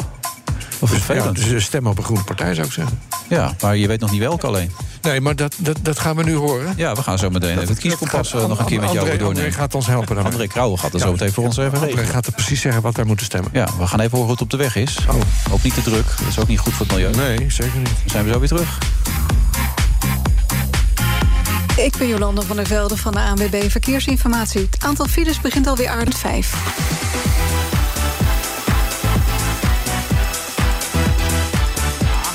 Stevige overgangen van onze DJ Thomas Robson. Had ik die al genoemd? Nee. Maar die noem ik even DJ Thomas Robson. Hij is weer lekker bezig. Hij is goed, hè? Ja, goed. Ja, DJ Thomas Robson. Ik moet je eerlijk zeggen, ik wist helemaal niet dat het zo heftig was. Ik vond het echt vervelend om te horen dit Ja, voor je. ik ben er ook niet blij mee. Ik had liever wat anders verteld, maar het is echt eh, bad. Ja, Bad. nee, omdat wij altijd een beetje die tong en cheek hebben en dat los Ja, enzovoort. ja, en klopt, ja. Dit was inderdaad een serieus intermezzo. Dat boeken, dat is hartstikke goed, heb ik begrepen. dus, Ja, dat, is, dat moeten we bij deze een beetje extra Heb aanprijzen. je de titel al genoemd? Eh, bed and breakfast zie ik Ja, hier klopt, staan. ja. Een wijnboer raakt verstrikt in de misdaad. Iets met wiet en zo, toch? Ja, en het is wel zo dat het is geïnspireerd doordat eh, mijn zoon Klaas en zijn vriendin die hebben een bed and breakfast. Oh, ik dacht dat die aan de wiet niet zaten. Maar, Nee, ja, nee, dat- Nee. zij zeiden op radio. Sorry hoor, maar Nee, nee. ja, ga door. Ja. Nee, nee. Maar ze hebben een bed and breakfast. En daar kwamen dus zulke grappige verhalen vandaan... dat ik dacht, als ik die erin slaag om die in dat boek te schuiven... En dat is gelukt. Ja, dat is Ja, gelukt. Met, met verven. Ja, maar de mensen die zich daar, die dus ooit in die B&B hebben geslapen... die hoeven zich dus niet zorgen te maken dat hun Namen erin intiemste staan. details in dat Maar boek ze worden weten wel onthuld. dat het over hun gaat. Als ze het lezen. Mm, Ja, dat Jawel. risico bestaat Jawel. natuurlijk wel. Je hebt iets over Henk Dijkstra erin staan. die Ik denk dat Henk nu wel denkt... eh, oh nee, dat is iemand anders. André Krauwe, hartelijk welkom. Dank je. Politicoloog aan de Vrije Universiteit... en bedenker van het kiescompact. Waarom, waarom lach je nou dan eigenlijk? ik wil ook een recensie op mezelf schrijven. Dat vind ik wel handiger. Ja. Dan krijg je dat gezeur allemaal niet online. Nee, krijg je veel gezeik? Enorm. Echt? Waarover dan ja, allemaal? Nou ja, kijk, mensen willen dat wij al die kleine partijen opnemen. Maar ja, dat zijn er nog 23. Ja. Ik heb er al 14 gedaan. Ik heb, we hebben maanden niet geslapen. Wat Nee, willen zo ze nou zie je er ook toch? een beetje uit, ja, André. Ja, het is sorry, hartstikke maar- veel werk. Ja, En dan, vermoeiend. dan doe je, eh, weet je, 80% van alle kiezers heb je gecoverd. En van die laatste twee gaan ze dan zeggen... je hebt niks gedaan of je hebt niet goed gedaan. Daar word ik altijd een beetje eh, moe van. Nog moeier van dan ik al ben van het Maar ik bedoel, eh eh, Ilja trekt zich dat een beetje aan als iemand kritisch over hem is. Maar eh, zit jij erbij? Want Ilja ging gelijk zijn excuus aanbieden net en zo aan een luisteraar. Ja, ik ben daar heel gevoelig voor, maar anderen niet volgens mij. Die- Nee, ik, ik ben, nee, wetenschappelijk nee, ze, ze, ze schelden je voor alles uit. En je ziet er gewoon ook hele rare dingen die ze online zeggen. Dus daar raak je echt enorm aan, eh, aan gewend. Ik, eh, ik vond het veel interessanter. want Ik zat te denken toen u aan het woord was. dat misschien dat wegvallen van die wijnproductie. misschien een idee is om rijke mensen eh, eh, op eh, partijen te laten stemmen die voor het milieu zijn. Want die willen misschien hun mooie dure wijnen, Oh, die verliezen ze misschien. Oh, die, ja, ja, dat dat, is is een goede niet zo campagne. gek. Kunnen Ja. ze nog bij Ja. GroenLinks opletten? Eh, Ja. Hier kun je nog wat mee. Ja, maar daar hoor ik uit dat, dat je natuurlijk zelf ook dan wel bepaalde voorkeuren hebt. Heb je die niet stiekem in die kieskompas verwerkt? Dat mensen toch een beetje naar een partij geleid worden waar jij eigenlijk wel. In mijn, in mijn wijnkompas, ja, dan Ribeiro del Duero vind ik heel goede Oh, streek. in. Maar André, ik, ik las een, een stukje van Simon Otjes, universiteit leraar van de Nederlandse politiek in Leiden. Die zei: de kieskompas die klopt voor geen kans. Zegt hij. Nee, nee, dat zeggen ze altijd natuurlijk. En ik schrijf ook met eh, Simon samen. En dan analyseren wij zeg maar, eh, wat de echte politieke ruimte is. En die is dan natuurlijk groter dan twee dimensies. Hè? Want wij zeggen, je hebt links en rechts en je hebt progressief en conservatief. Maar op die, zeg maar, die culturele as, waar dus eh, zeg maar, progressief en conservatief staat... daar zit het milieu op, daar zit Europa op... daar zit anti- en pro-immigratie op, de multiculturele samenleving... religieuze issues. Dus ik weet ook wel dat dat natuurlijk meerdimensioneel is... en dat het complexer is. Maar ja, als ik u een website laat zien met zes, zeven politieke dimensies... dan kunt u hem niet meer lezen en ik kan hem niet meer maken. Nee. Dus hè, wij proberen... Maar heeft hij dan gelijk of zegt hij: het kan niet, het kan, het kan niet anders? Nou, dan hij, dat? hij heeft gelijk dat het Nederlandse politieke stelsel complexer is dan wij laten zien. Maar dan kan je ook roepen, ja, er zijn niet alleen maar 30 issues, kraal. Hoe kom je daar nou weer aan? Hmm. Hè, d- Ja, d- d- Je doet het nooit goed als ik het zo nou, hoor. nou, je kunt niet het hele politieke stelsel van Nederland in een website stoppen. Nee. Maar wat wij doen, dat doen we ook niet. Wat wij proberen is de 30 belangrijkste issues met de belangrijkste partijen. Zodat mensen, dat weten we, dat mensen die normaal maar twee of drie dingen denken bij een partij. of soms helemaal niet precies weten waar een partij staat. nu op 30 onderwerpen word je met 14 of 15 partijen vergeleken. Dat is veel meer dan er normaal zou gebeuren.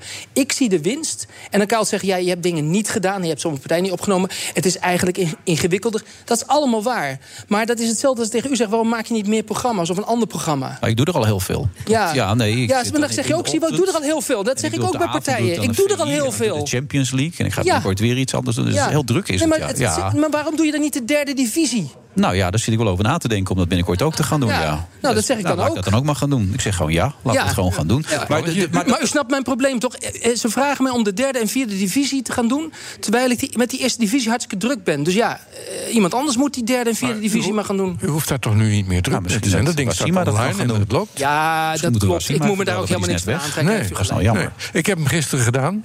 En waar kwam... Oh, dat mag ik niet Ja, vragen. ja, Nee, dat mag wel. Ik, Vond u het kwam, goed? eh, Oh, ik, ik werd met vaste hand werd ik geleid naar D66.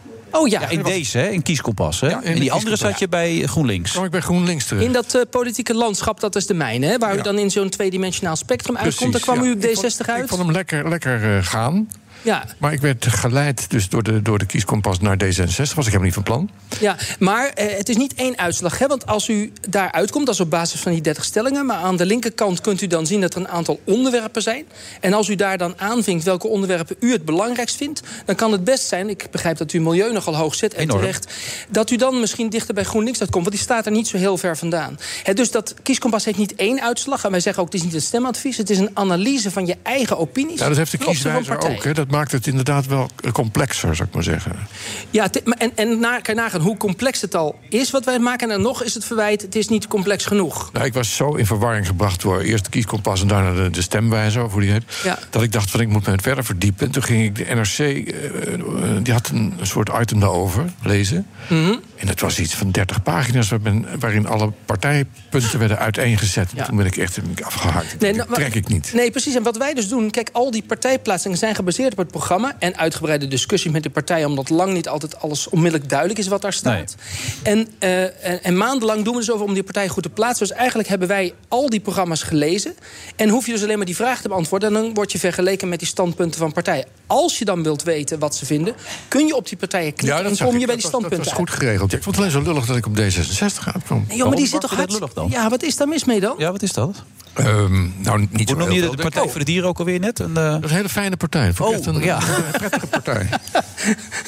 Ja, maar vind je vervelend D66? Nee, maar ik vind het een beetje een gezichtsloze partij. nou ja, dat- precies. Het, het- als je die niet meer weet, kies je D66, toch? Oh, Ja, misschien. Maar ze zijn wel heel milieubewust. bewust. Nou, Oké, dan zeg ik het wel. Ze staan wel heel groen hoor. Dus als, als u zegt milieu, eh, zeg maar, vind ik belangrijk. Dan is het niet raar dat u en GroenLinks en D66 krijgt en Partij voor Dieren. U krijgt eh, de meest milieuvriendelijke partijen eh, om de oren als u die stemhulpen invult. Dus op zich klopt dat denk ik wel. Ja, goed, ik ken alleen deze standpunten van milieu, dus ik weet niet wat u verder vindt. Maar Nee, ik hoorde van, van Sylvia, Sylvia Witteman, die had ook zoiets ingewend. Die kwam bij de PVV terecht. Dus dat is natuurlijk wel heel, heel mal. Daar schrok ze zelf ook van. Ja, Sylvia, dit fijn dat je dit nu vertelt, of niet? Oh god, zeg weer wat verkeerd. Nee. Sylvia Witteman stem PVV hebben we nu gehoord. Nee, nee, ze, kwam- ze werd misleid door de kieswijzer. Ja, maar je weet, als je het eenmaal hebt gekozen, dan ga je ervoor natuurlijk. Maar het, het- het opschuiven naar, naar links is het allemaal een beetje op dit moment in het politieke landschap, toch? Ja, je, ja, je ziet eh, deze, dit jaar een trend dat er een, eh, een verschuiving naar links is. Dus 2017. Daarvoor hebben we heel duidelijk een, eh, eh, een trend naar eh, rechts zien. Vanaf 2006 tot 2012 zeker een hele verschuiving naar rechts.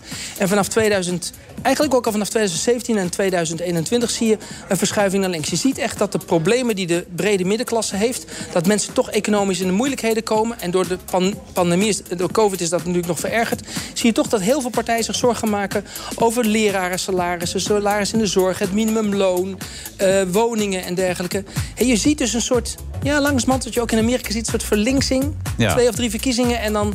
Het interessante was alleen dat linkse partijen daardoor niet winnen. Hè? Hoe kan dat nou? dat, vind ik raar, toch? En dat wordt dan gevraagd aan ze. Zegt ze, ja, maar we hebben niet de gelegenheid om ons verhaal te kunnen vertellen. De mensen als Lilian Marijnissen en, en, en, en mevrouw Ploemen. Ik zeg mevrouw Ploemen, zeg ik altijd. Hoe verklaar jij het dan? Of verklaart u het dan? Want u zegt steeds u. Nee, joh, zeg maar jij het tegen ook u. even, Nee, ja. zeg maar jij tegen u. Nou ja, eh, kijk, je- je- het- het is deels waar dat een aantal issues die heel erg dominant zijn in het publieke debat, dat zijn niet hun dingen. Nee. Maar nu wel, want het gaat over inkomen, het gaat over eh, eh, Minimumloon, woningen, eh, minimumloon, werkloosheid en dergelijke. Dus dat zijn hun thema's. Dus dan moet je niet klagen als jouw thema's dominant zijn, dat je niet aan bod komt. Ik, ja, ik, je moet niet klagen, je moet gewoon zorgen dat je goede campagne voert en dan kom je vanzelf in beeld. Dat is in 2012 Partij van de Ja, maar er Arbeid wordt steeds gezegd, eh, Rutte heeft eigenlijk steeds zijn momentjes... omdat hij over corona moet praten, zijn persconferenties. Probeer daar nog maar eens overheen te komen met je eigen verhaal. Ja, maar dat is ook een risico, want het CDA staat daar ook en die ging af. Hè, dus dat kan ook misgaan. Ook met de nieuwe man Wopke, nu? nee, maar goed, de vorige minister heeft natuurlijk gewoon... Hè, dat, werd- dat, dat in vergelijking vond men dat minder goed. Ja, kijk, dat is waar. Dat natuurlijk een regering en regeringspartijen en ministers... hebben natuurlijk meer mediatoegang eh, dan oppositiepartijen... die minder vaak gevraagd worden. Dat is absoluut waar. Maar wij hebben in Nederland geen wetgeving... Waar, waarom, hè, waardoor media gelijke aandacht moet besteden... aan alle politieke partijen. In sommige landen moet dat wel, hier niet. En je ziet nu al dat sommige omroepen... een bepaalde partijen gaan uitsluiten bij debatten... vooral linkse partijen. En vorige keer was het helemaal idioot. Was er een debat tussen alleen maar rechtse kandidaten. Ja, het, linkse kiezers zijn enorm onzeker op dit moment... omdat die nog niet weten wat ze moeten stemmen. Want gaat Klaver nu wel in een kabinet zitten... als die weer de grootste wordt, of niet? Maak je dan nu de PvdA de grootste? Want Ploemen gaat wel in een kabinet zitten misschien. Hoe doe je dat? Het linkse kiezers hebben veel meer twijfels in mijn onze data... dan die rechtse kiezers. Die zijn heel veel al geland. Eh, Ja. Of de VVD en de PVV. Want die Forum heeft het helemaal verknald. Maar op links zit de meeste twijfel. Die zou je juist meer aan het woord moeten laten. Als journalisten hun werk goed doen. meneer niet even onderbreken en te vragen waarom hij deze, deze kieskompas heeft gemaakt? Nou, dat mag jij hem ook vragen. Je bent er toch. Oh ja. Waarom heeft u dat gedaan? Is dat een verdienmodel? Of hoe zit dat? Het liefst zou ik wijn maken als, u, als ik eerlijk ben en sommelier Ja, worden. dat is niet makkelijk. Maar dat is niet makkelijk. Dat moet je, moet je veel te hard voor leren. Dus ik ben maar iets simpels gaan doen. Eh, nee, kijk, het is inderdaad een verdienmodel. Dat wil zeggen, ik heb in 2006 een bedrijf ook opgericht. eh, samen met mijn toenmalige universiteit. Nu heb ik dat eh, eh, samen met een ondernemer, Willem Blanke. Ondernemer, dat wij zijn in 51 landen actief. Hè, dus, dus ook, we zijn ook Hollanders, dus we kopen het ook gewoon. Ja, het is een Kijk. bus- we verkopen dat in heel veel landen ook. Per En- klik wordt u betaald. Nee, nee, nee. We ver- Oh. verkopen ze gewoon zo'n, als we zo'n ding maken. Oké. Dan, dan verkoop je dat heel. En een project eromheen. En de kennis en de analyses. En vooral media, dus kranten, radio, televisie, die kopen onze analyse. Ik snap niet dat ik hier voor niks zit te praten bij BNR. Maar eh, daar kunnen we de volgende keer maar nog eens over praten. En dat is zeg maar het model. En dat hebben we. Ik vrees dat eh, dat lastig gaat worden, maar ga door, ja. ja, ja, je bent, jij verdient te veel. Dat- dat- Nou ja. maar goed, eh, eh, dus, eh, en, en dus dat heb ik opgezet niet om geld te verdienen overigens. Want er wordt je natuurlijk helemaal niet rijk van. Want het is hartstikke veel werk en je kunt, ja, het is geen broodjes verkopen. D- d- Dus wat ik vooral probeer te doen is ook heel veel gegevens te verzamelen. En daardoor kan ik hele mooie analyses maken. En waar andere van mijn collega's hartstikke veel moeite moeten doen... om heel veel data te verzamelen, is hartstikke duur. Ja, heb Data, ik. ja. ja, en data is geld. Data is geld. Nou, dan heb ik het helemaal geroepen. Ik moet er één keer Toei in Droomparken roepen. Dan heb ik het er ook weer uit, hoop ik.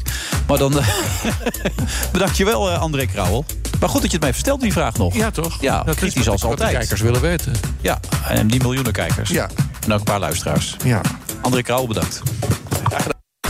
De Friday Move wordt mede mogelijk gemaakt door TUI en Droomparken. Droomparken, je perfecte vakantie of een eigen tweede huis. BNR Nieuwsradio. The Friday Move. Mevrouw, ik vraag u. Nee, nou dan, u mag niks zeggen. Een dringende oproep aan Nederland. Houd je aan die avondklok. Het is nu het moment in de crisis dat het perspectief er gewoon echt moet komen. 50% korting op het collegegeld. Wilfred Genee. Bijna een maand geleden kreeg Joe Biden de sleutels in handen van het Witte Huis. Maar hoe doet hij het eigenlijk?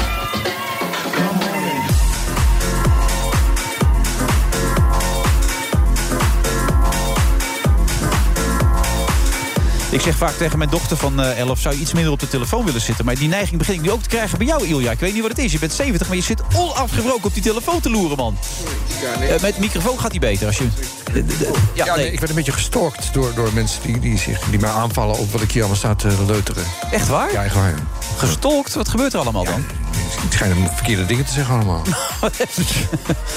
Sylvia Witteman heeft nu Nee, maar ik, gereageerd. ik op, ga eh, nu heel erg op mijn woorden. Ik ga elk woord op een goud schaaltje wegen. Wordt niks op die manier. Hopeloos. Maar heel erg eh, diplomatiek. eh. Ondertussen zit Bernard Handelburg ook alleen maar op zijn telefoon. Wat is dat met die oudere mensen? Wat is dit allemaal, zeg? Ik, wil, ik zit er ook niet uit hele tijd op mijn telefoon, Nooit. Bernard. Nee, Nooit, nee, nee. nooit. Nee. Wat zit jij nou weer te doen dan? Ik kijk altijd even voordat we beginnen. Erg gaan gewoon even naar het laatste nieuws. Heel Ja. ouderwets, maar. De enige man die dat niet doet is Koen Petersen. Zo ken ik Koen ook. Die heeft Nee, geen maar die televisie weet het thuis, uit die zijn heeft geen telefoon. Wel riolering thuis gewoon Koen of niet? Ja, en die is niet dichtgevroren, dus Nee? ik ben eh, goed weggekomen. Gas en licht ook gewoon, alles werkt? Alles werkt, dat is geen Texas. Oh, goed. Nee, dat is wat. wat- eh, En toen ging die, die, die cruise die ging nog even naar Mexico toe, begreep ik, hè, met zijn dochter. Ja, en met zijn vrouw, die eh, de hele buurt had uitgenodigd... maar zij waren de enigen die waren gegaan. Ja, het is een PR-ramp weer van de eerste orde. En laat ook wel zien hoe de elite in Washington... eh, niet altijd het gevoel heeft met de gewone man in de straat. Nee, want dat was een beetje een, een, een- een- nou, zeg maar een ondersteuner van Trump. Hè? Dat was een, een Trump-man, was toch? Cruz. Ja, hij is een conservatief eh, republikein en hij heeft Trump de afgelopen jaren gesteund. Maar Ja. vier jaar geleden zelf was hij ook kandidaat voor het presidentschap. En toen heeft hij Trump ook hard aangevallen. Dus hij volgt een pragmatische benadering. Hij hoopt denk ik dat Trump snel verdwijnt... en dat hij zelf weer een gooi in het Witte Huis kan doen. Ja. Maar hoe, hoe- er zitten toch mensen om dit soort mensen heen die adviseren... doe dat nou even niet in deze fase. Hoeveel doden zijn er al gevallen in Texas? Ik weet dat niet. 24 of zo, begrijp eh, Uit mijn hoofd, maar ehm, ja, het zijn wel extreme temperaturen. En mensen zijn ook... eh, Maar je hebt dus nu twee Amerika-deskundigen in de Ja, uitzending nee, we- tegelijk. ja, Waar nee is maar dat we hebben voor? nu de kanonnen ingehuurd. We wisten dat jij kwam. Eh, waarom twee? Nou ja, eh, de, de, de Koen eh, gaat Bernard vanaf de- zit zich te verbijten. Die, die, Nee, die, die, hoort- die moet allerlei dingen zeggen komt waar ook hij nog niet voor mee de eens is. G7. Maar die kan er genoeg dingen aan toevoegen.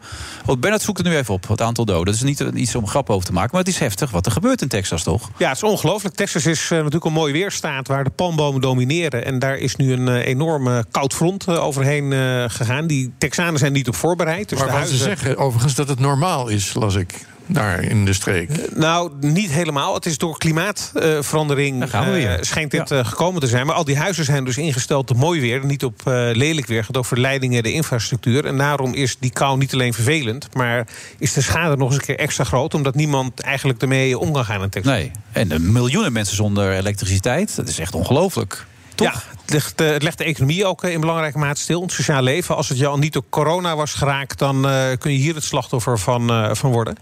En juist Cruz had als eh, belangrijk senator, eh, prominent senator in Texas, ook zichtbaar moeten zijn. En ook ja, in feite solidariteit moeten tonen en moeten helpen nadenken over hoe met de situatie om te gaan. Hij wilde een goede vader zijn, las ik. Ja, maar die ging naar Cancún om zijn eh, elfjarige dochter eh, een eh, rustig eh, weekend te geven in aangename temperatuur. Want die had al genoeg gedoe gehad, eh, vond hij. En dat vond zijn vrouw ook. Maar ja, het pakte natuurlijk desastreus uit. Ja, kun je wel stellen. Hoe, hoe vind je dat nu toe dat Joe Biden het gedaan heeft? Maandje bezig nu, sleutels van het Witte Huis. Hoe doet hij het?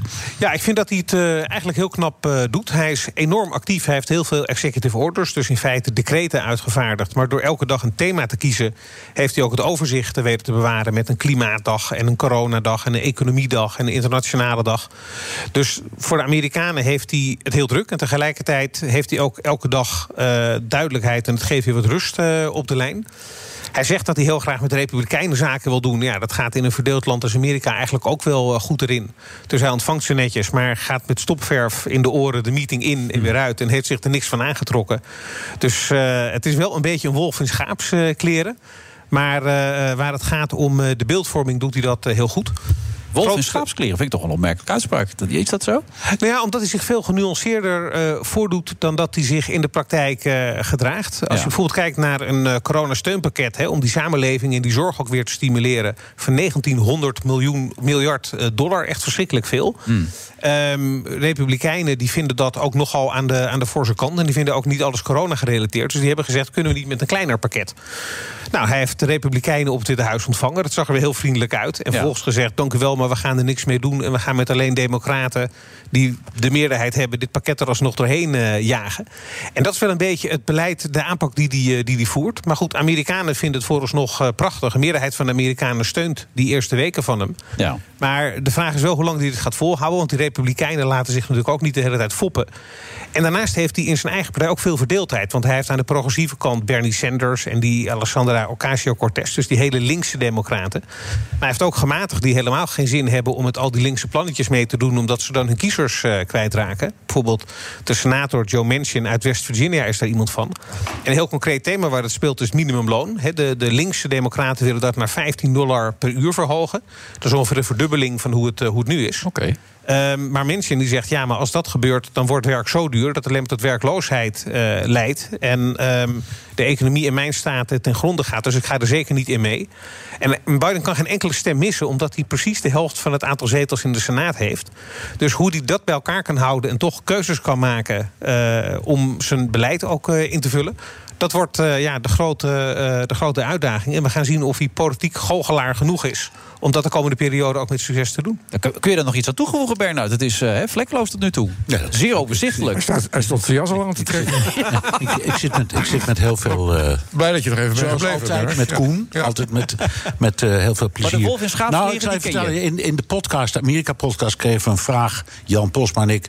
om eh, allebei eh, onze favoriete... ehm, eh, Amerika-deskundige te noemen. En ik heb Koen daarin gezet. Dus eh, je, ik, zit, ik zit altijd met plezier te luisteren. Er zijn overigens 42.000 doden in Texas op een bevolking van 29 miljoen. hoeveel doden zeg jij? 42.000. Doden? Doden, ja. Door de Maar je hebt het nu over corona. Ja. Oh nee, ik, ik dacht sorry. eh, door Ja, die dat- kou. Want dat Oh, vroeg je net, moest ik opzoeken. Nee, dus dat- nee, maar ik zat nog in die Even kou. gedaan. Zat ik van, eh, dat- Maar dat zijn er ook heel inderdaad heel veel. Maar met de Oh, kou zijn door de er ook een kou. aantal mensen overleden, begreep ik toch, van de week. Ja, ik weet niet hoeveel, maar, Maar eh, zullen die- er zijn ik wel dacht mensen. even, dat zijn zoveel mensen met die, do- met die kou omgekomen. Denk. ik. Dat is wel heel heftig. Dat klinkt ook veel, ja. Nee, maar goed, het, het is die Maar goed, telefoon. even ter zake graag. Ja.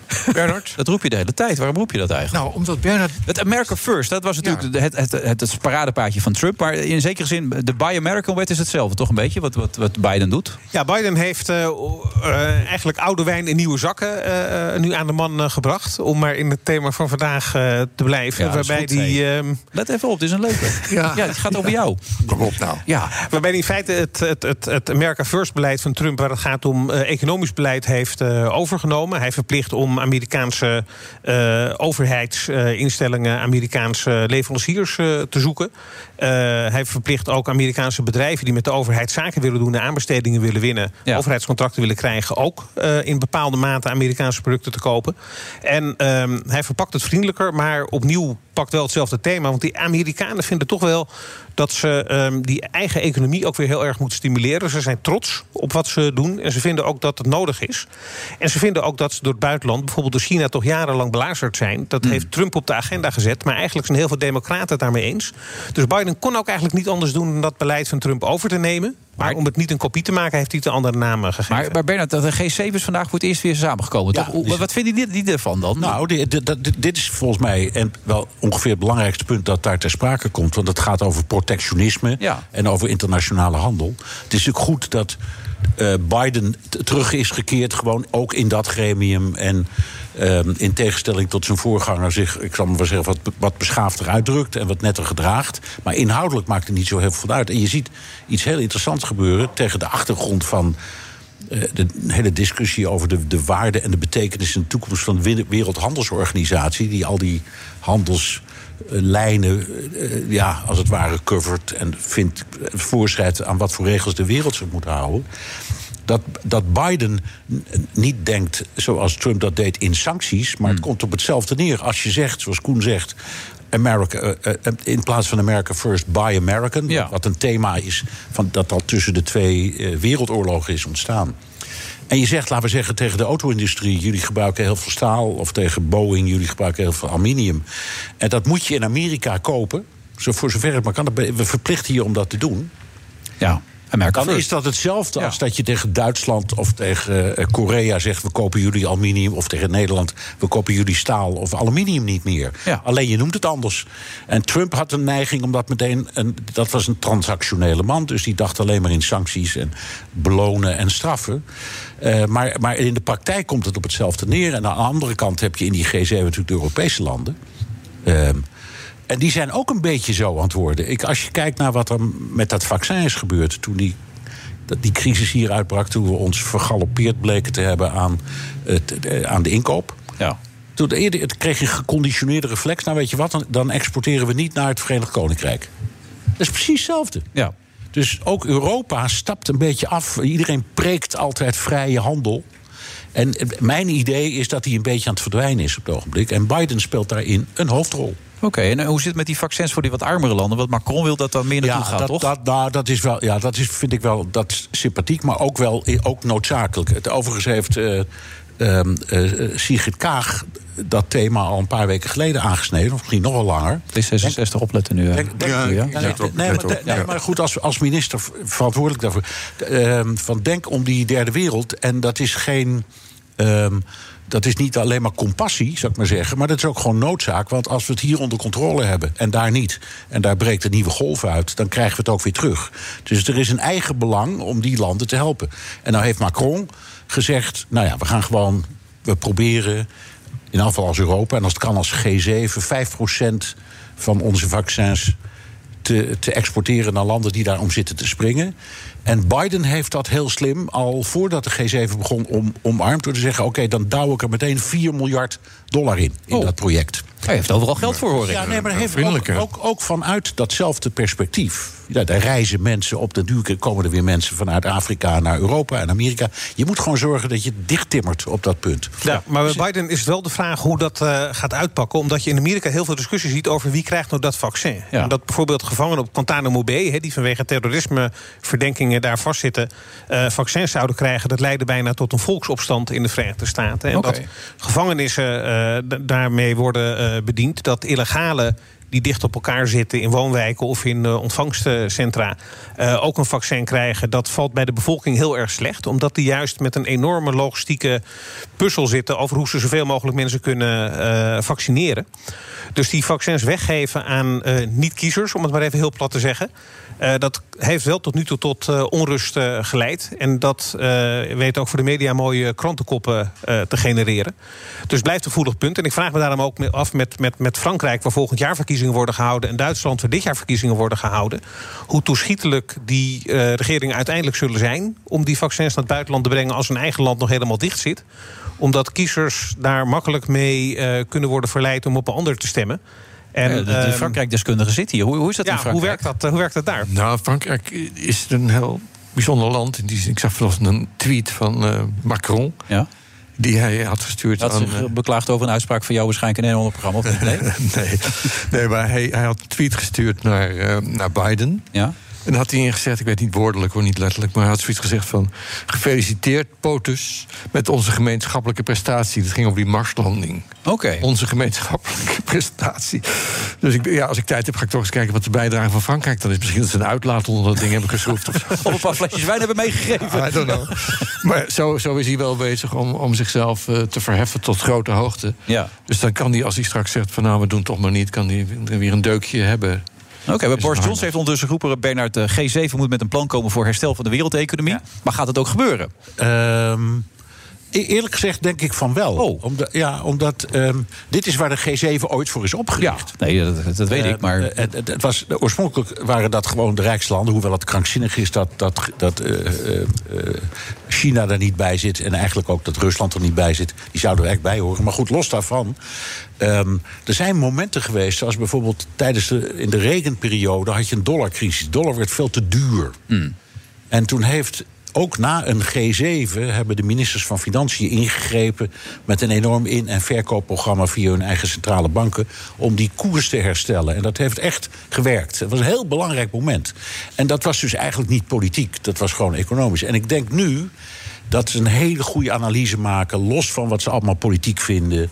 En eh, Macron, die zich natuurlijk de keizer van Europa vindt, en, en ga zo maar door. Maar dat het, in, het is in ieders belang dat je zegt, we zitten nu in een dubbele crisis, een gezondheidscrisis en een economische crisis. We moeten nu als rijkste landen een gezamenlijk platform zien te vinden hoe we dat oplossen.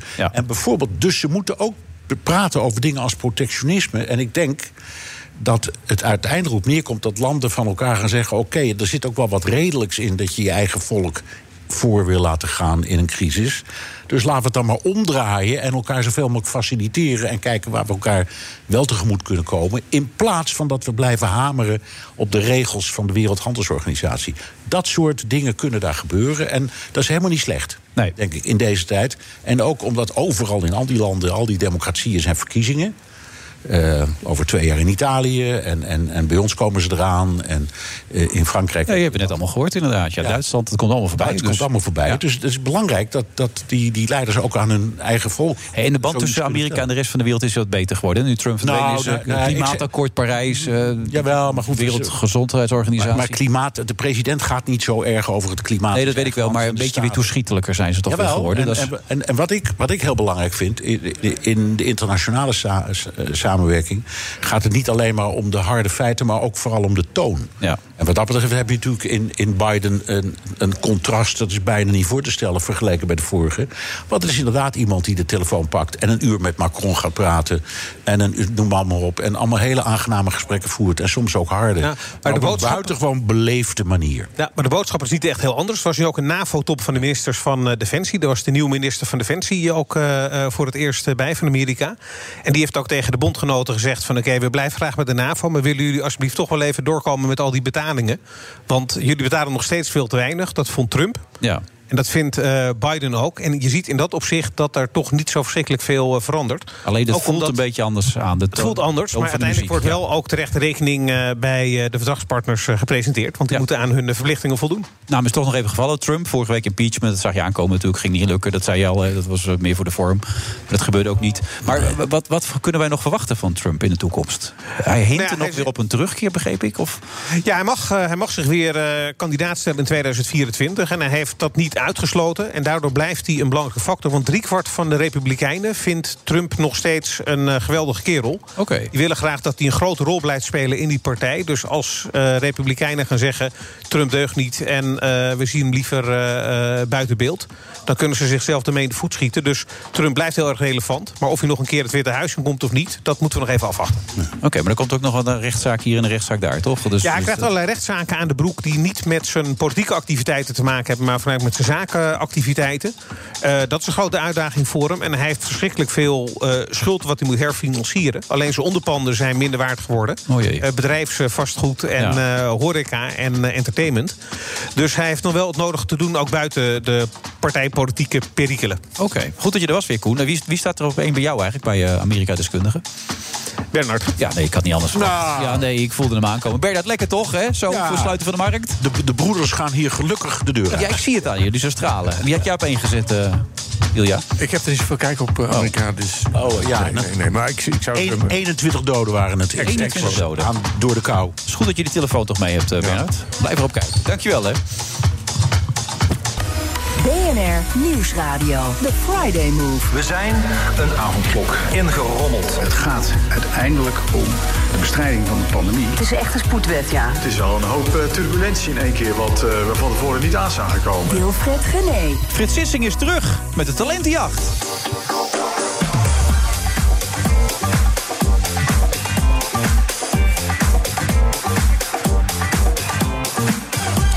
En naast mij staat de allergrootste fans, eh, fan van de Frits Sissing. En dat is eh, Ilja Gort. Maar Ilja? Hoezo, hoezo terug? Was hij dan weg? Nee, Hij dat was, was- toch niet weg, Frits? Nee, maar dit programma is tien jaar geleden eh, voor het Oh. laatst op tv geweest. Oké. Dus dat is weer terug. Oké, hoe, hoe heet het? Op zoek naar. Op zoek naar, ken je Ja. het? Nou ja, ik kende het niet zo goed. Ik had de naam wel eens gehoord, maar ik heb het eigenlijk nooit gezien. Maar Mireille, onze eindredactrice, dat was haar favoriete programma altijd. wat leuk. Je mist er niet één. Maar is, is het tien jaar geleden? De laatste finale, dus van Op zoek naar Zorro, was eh, 20 februari 2011. Ja, dat is Dus, eh, tien jaar geleden. Tien jaar geleden. Toch? Ja, hè? dat klopt, hè? Toen was ik nog maar net geboren, ja, zeker. Ja. Tijd geleden. Ook zoekdachten naar Evita. eh, Joseph staat hier ook. Ja. Oh ja, dat is ook nog geweest. Mary Poppins Mary natuurlijk ook Poppins, nog. dat was Noortje. En het, ja, er zijn nog meer goede namen doorgekomen. Zeg ik ook Freek Bartels is bijvoorbeeld er ook uit voortgekomen. Ja, hè? die is Joseph geworden. En daarna natuurlijk gewoon sky high gegaan. Ja, en, eh, bijzonder. eh, vorige week eh, is hij geëindigd als Jezus. Dus, eh, ja. Ja, wie, wie wil het niet? Zeg maar, Frits, ehm, Eh, Frits, nu er je zijn, toch bent. er zijn toch Ja. helemaal geen, geen musicals meer nu? Met, met... Nee, alles is dicht. Dus dit, dit is ook al voorbereiding dat we weer open gaan. Om de, eh, ook een beetje Ah, om de oké. mensen weer het gevoel te geven... Van, dat is natuurlijk weggezakt, Ja. Ah, een jaar lang. Oké. Om toch een beetje het gevoel weer te geven... het gaat er hopelijk aankomen. En Maar Stage Entertainment verwacht in juni weer, ja, toch? die, die, die gokken Sound op of juni. Music. Ja, die hebben in ieder geval wel de, de, de musical Zo, zo... heel positief gedacht. Ja, ze hebben het in ieder geval zo ingericht... dat als de theaters open gaan, ook al is het met 50 of 100 man... dat het rendabel voor ze is, dus dat ze dan losgaan. Oh, Een musical en dan met 150 man rendabel zijn. Ja. Dat vind ik een hele prestatie. Ik weet niet wat de kaartjes kosten. Ik ook niet. Nee, die Ga ik ook niet over. Ongeveer 10.000 euro per kaartje En kosten. jullie zijn trouwens van dezelfde familie, toch, op dit Ja, moment? ja, ja. Ja, ja. Allebei van Afro, toch? Wij Als zijn- Afro- wij zijn collega's. Nou, Ja. En eh, Simon kan ook veel op bedrijfsfeestjes en zo, in de kantine, dat soort dingen. Elkaar de Welke tent feestjes? uit. Echt, we vechten elkaar de tent uit, Frits en ik. Ik zal je Ah, eerlijk Ja, ja. zeggen, ik krijg altijd op mijn verjaardag van de directie een cadeautje. En dat is een fles wijn van Ilja. Echt waar? Dat heb je er ook weer in gefietst. Jij bent zo slim, hè? Dat heb je in je contract laten opnemen natuurlijk. Dat stond erin. Ja, dat denk ik ook. Je bent echt goed. Wist je trouwens dat hij een nieuw boek heeft? Nee, dat wist ik niet. Nou, het is een nieuw boek, Bed and Breakfast. Echt een hele goede roman. Er is een enorm goede recensie op bol.com verschenen. En dat is absoluut de moeite waard. Nee, dat moet je zeker doen. Nee, ik probeer het. Bed Ja. and breakfast in, in Nee. Frankrijk of, of in Nederland? Nou, het, het speelt in Frankrijk. Het is een, een, een roman die in Frankrijk speelt. oh, het is een roman. Ja. 1699. Opvolger van de Godendrank. Ook al een bestseller. En dit ook. Hij staat onmiddellijk heel hoog. Ja, meteen. Probeert een beetje te promoten. naar al die verhalen die je hebt Nou, verteld. dankjewel. Even terug naar het programma. Voor de mensen die het niet kennen. Even heel simpel. Gewoon. Heel simpel. Er is een musical, The Sound of Music. Daar speelt Maria de hoofdrol in. Ja. En die moet gecast worden. En normaal gebeurt dat eh, niet eh, in het openbaar. En Nee. doet een producent dat. Professioneel gaat het dan Precies. inderdaad achter de schermen. Alleen dit, eh, bij bij deze heeft de producent die keuze uit handen gegeven. Eh, en wij hebben eh 70 dames gecast. Die zijn op de casting gekomen. Die 70? zijn een aantal ronden teruggebracht tot de 10 beste. Ja. En die gaan live op tv om die rol strijden. En het publiek gaat stemmen. Die mag bepalen wie Maria wordt. Toch wel bijzonder. Maar je bent vijf jaar geleden alweer begonnen om hiervoor te lobbyen, toch? Ja, Waarom heeft klopt. dat zoveel tijd moeten kosten dan? Ja, om, de- ik weet, ik, daar weet ik ook niet precies waar dat eh, eh, helemaal aan lag. Omdat Nou ja, je, je moet een aantal publiek partijen... omroep is vrij... eh, hè? Ja, ja stroperig Traag, misschien. stroperig. Je moet een aantal partijen bij elkaar brengen. En die gaan dan weer praten. En toen hebben ze gedacht van... Ze hebben zelfs nog even gedacht van... we willen wel, maar we- kun- kunnen we niet een ander format ontwikkelen? Dus hebben we er eerst nog een ander format ontwikkeld. En toen toch weer niet. En uiteindelijk denk ik dat de coronatijd toch geholpen heeft... om uiteindelijk die eh, mensen, te- de beslissers te laten zeggen... Laten we het Wordt doen, het een, want, een eh, concurrent van eh, het vak heeft Voice het of Holland? nodig. Van? Voice of Holland? Nee, want het is niet op dezelfde dag. Oh, oké. Maar het is wel hetzelfde IP. Maar van waar heb je zo Ja. je best daarvoor gedaan dan, Frits? Omdat ik, ik vind het zo mooi om eh, jonge mensen een kans te geven om een boost aan hun carrière te geven. Eh, Ja, dat kan me heel goed voorstellen. Maar waarom is het dan al die tijd niet gebeurd? Want jij zegt zelf, het was een succes. Omdat het Een doorslaand kijk, weet je, succes. Het, het heeft natuurlijk ook met geld te maken. Het is een duur programma. Ja. Dus we hebben heel lang moeten zoeken op zoek naar, Frits was op zoek naar het geld. Dat was het eigenlijk. Ja, dat is Had ook een programma kunnen zijn. Had ook dat die kunnen filmen. Frits op zoek naar geld. Voor op zoek naar. Ja, ja, nee, maar uiteindelijk is dat gelukkig gelukt. En die tien kandidaten, eh, er zit eentje tussen die springt er bovenuit. Kan niet anders. Jij bent een kenner, je bent eh, vakmatig inmiddels zo goed. Nou, Nee, ik, ik, eh, dat, die vraag krijg ik natuurlijk veel. De Tuurlijk, luisteraar. daarom stel ik hem ook. Ik, eh, ik denk dat ik er vijf zou kunnen aanwijzen die in de top vijf terechtkomen. Maar Oké. of ik gelijk heb, dat weet ik natuurlijk niet. Het gaat om het publiek, hè. En daar spelen natuurlijk dan, dan gaan er weer andere dingen spelen dan alleen maar kwaliteit. Dus er zijn geen vakjuryleden die in het Er is een vakjury, maar die adviseert het Nederlandse publiek. Pia Douwers hebben we, die, eh, die, die zit in de vakjury. Maar zijn het dan ook al meisjes die we zouden moeten kennen? Of Nou, is er dat nog één- net niet, zeg er is maar? één iemand, Tessie, Tessa Suniva van Tol, die heeft al een hoofdrol gespeeld, onlangs in Anastasia. Ja. De rest eh, kent het grote publiek niet. Die hebben al wel rollen gespeeld, maar nog nooit als eerste cast een hoofdrol.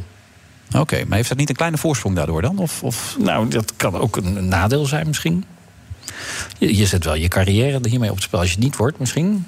Ja, dat is ook waar, als je het misgaat. Dat zie je soms ook bij de, dat soort programma's als The Voice... dat je opeens weer mensen voorbij ziet komen die in het verleden al een carrière hebben gehad.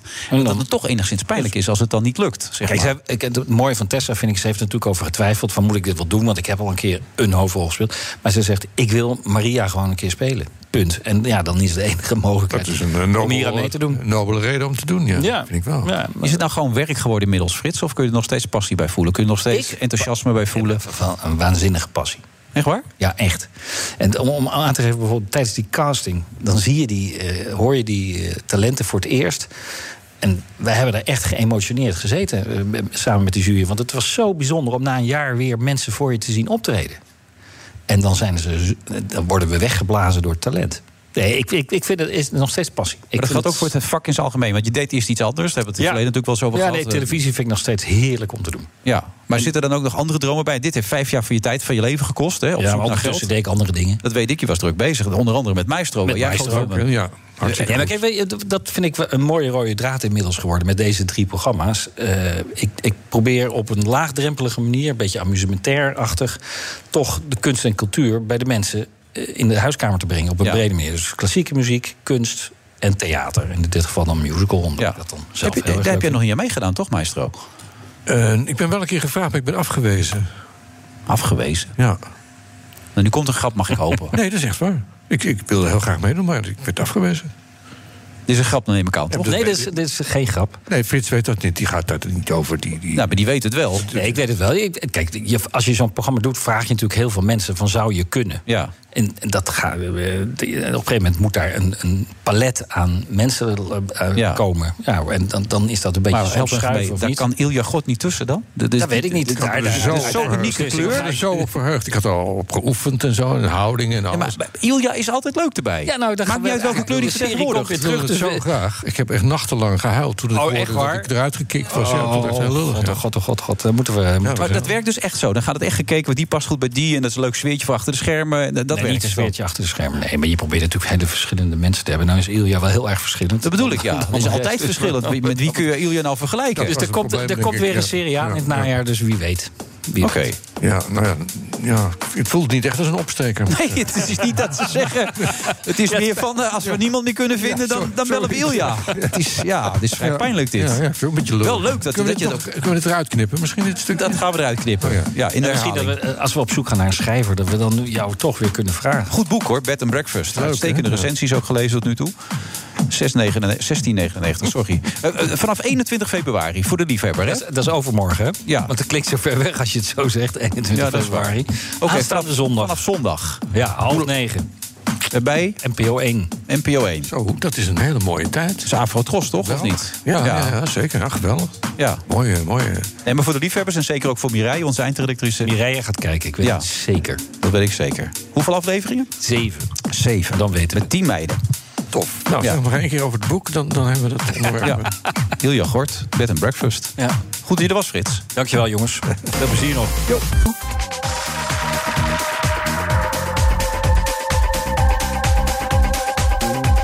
De absolute slotfase van deze uitzending van de Friday Move. 19 februari. We zitten gewoon in Dauphine, maar wel op een andere wijze. We zitten met spatschermen, zonder publiek. Maar wel met de leukste co-host van Nederland. De man die niet toegelaten is bij, bij Maestro. Ik vind het nog steeds schokkend nu ik dit gehoord En heb. eh, DJ Ja, gehoord. Thomas Robson, hè? En DJ Thomas Robson.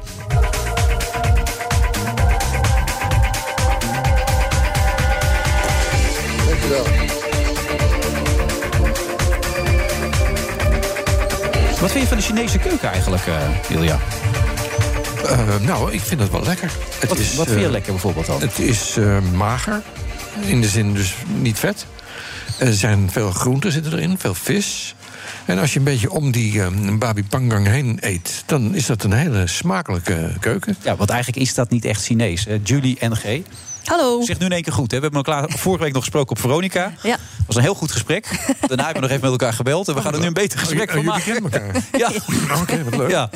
Nee, dat was niet geheel naar tevredenheid. Ik, ik gaf ook eerlijk toe dat ik daar misschien een beetje te los in sta. Want toen ik het allemaal hoorde van Julie na afloop... eh, had ik toch wel de indruk dat er een heel groot verhaal achter zit. Achter het fenomeen Chinees restaurant in Nederland. Het is inmiddels een immaterieel erfgoed geworden. een Nederlands immaterieel erfgoed. En die Babi Pangwang bijvoorbeeld. Dat is helemaal geen echt Chinese resta- gerecht, toch? Dat nee. is, ja. nee, dat klopt. Het is eh, eh, inderdaad een gerecht wat eigenlijk is gecreëerd voor het Nederlands smaakpalet. Omdat Eh, wij van Nederlanders gek van sauzen zijn, toch? Daar Ja, komt het dat op neer. klopt. Ja, wij zijn Dat Dus- klopt. sauzen. Maar de- eh, de lumpia is toch wel Chinees, of niet? eh, eh, de grote lumpia? Ja, ja. Oh. Ja, eh, nee, eigenlijk ook niet. Nee, nee, dat is ook eigenlijk een verzinsel eh, eh, wat, wat in Nederland... eh, En de chapchoy met garnalen, want die bestel ik altijd. Ja, er is wel in de, in de Chinese keuken is er chapchoy. Hè, dat is gemengde groente eigenlijk. Ja, vind ik lekker. Eh, ja, dus nou ja, dat is het enige wat eh, hè, nauw overeenkomt met wat wij in de, Ah, in de Chinese Daar zit ik goed mee. Ja. Oké. Nou. J- Jij bent eh, initiatiefnemer geweest, een van de initiatiefnemers om dit voor elkaar te krijgen, om er immaterieel cultureel erfgoed van te maken. Waarom is dat zo belangrijk? Nou, kijk. ehm, eh, de, de Chinees-Indische restaurantcultuur, dat is gewoon echt die typisch Nederlands. Hè? Ehm, eh, het is ontstaan door een specifieke kruisbestuiving van drie verschillende culturen. Namelijk de Nederlandse, de Chinese en de Indische. En dat heeft, nou ja, goed, hè, eh, in mijn optiek alleen maar kunnen bestaan in Nederland. En daarbij heeft hè, de Chinese-Indisch restaurant eh, hebben een behoorlijke contributie geleverd aan de Nederlandse maatschappij. Zo hebben ze hè, eh, het afhalen geïntroduceerd in Nederland. Eh, maar ook voor velen was uit eten gaan bij een Chinees-Indisch restaurant eh, hè, de eerste keer uit eten gaan überhaupt. Maar het waren wel altijd Chinezen. Terwijl er dus op de gevel staat Shin Ind restaurant. Ja. Maar er was nooit een Ind te bekennen. Nou, het was altijd alleen maar de Shin.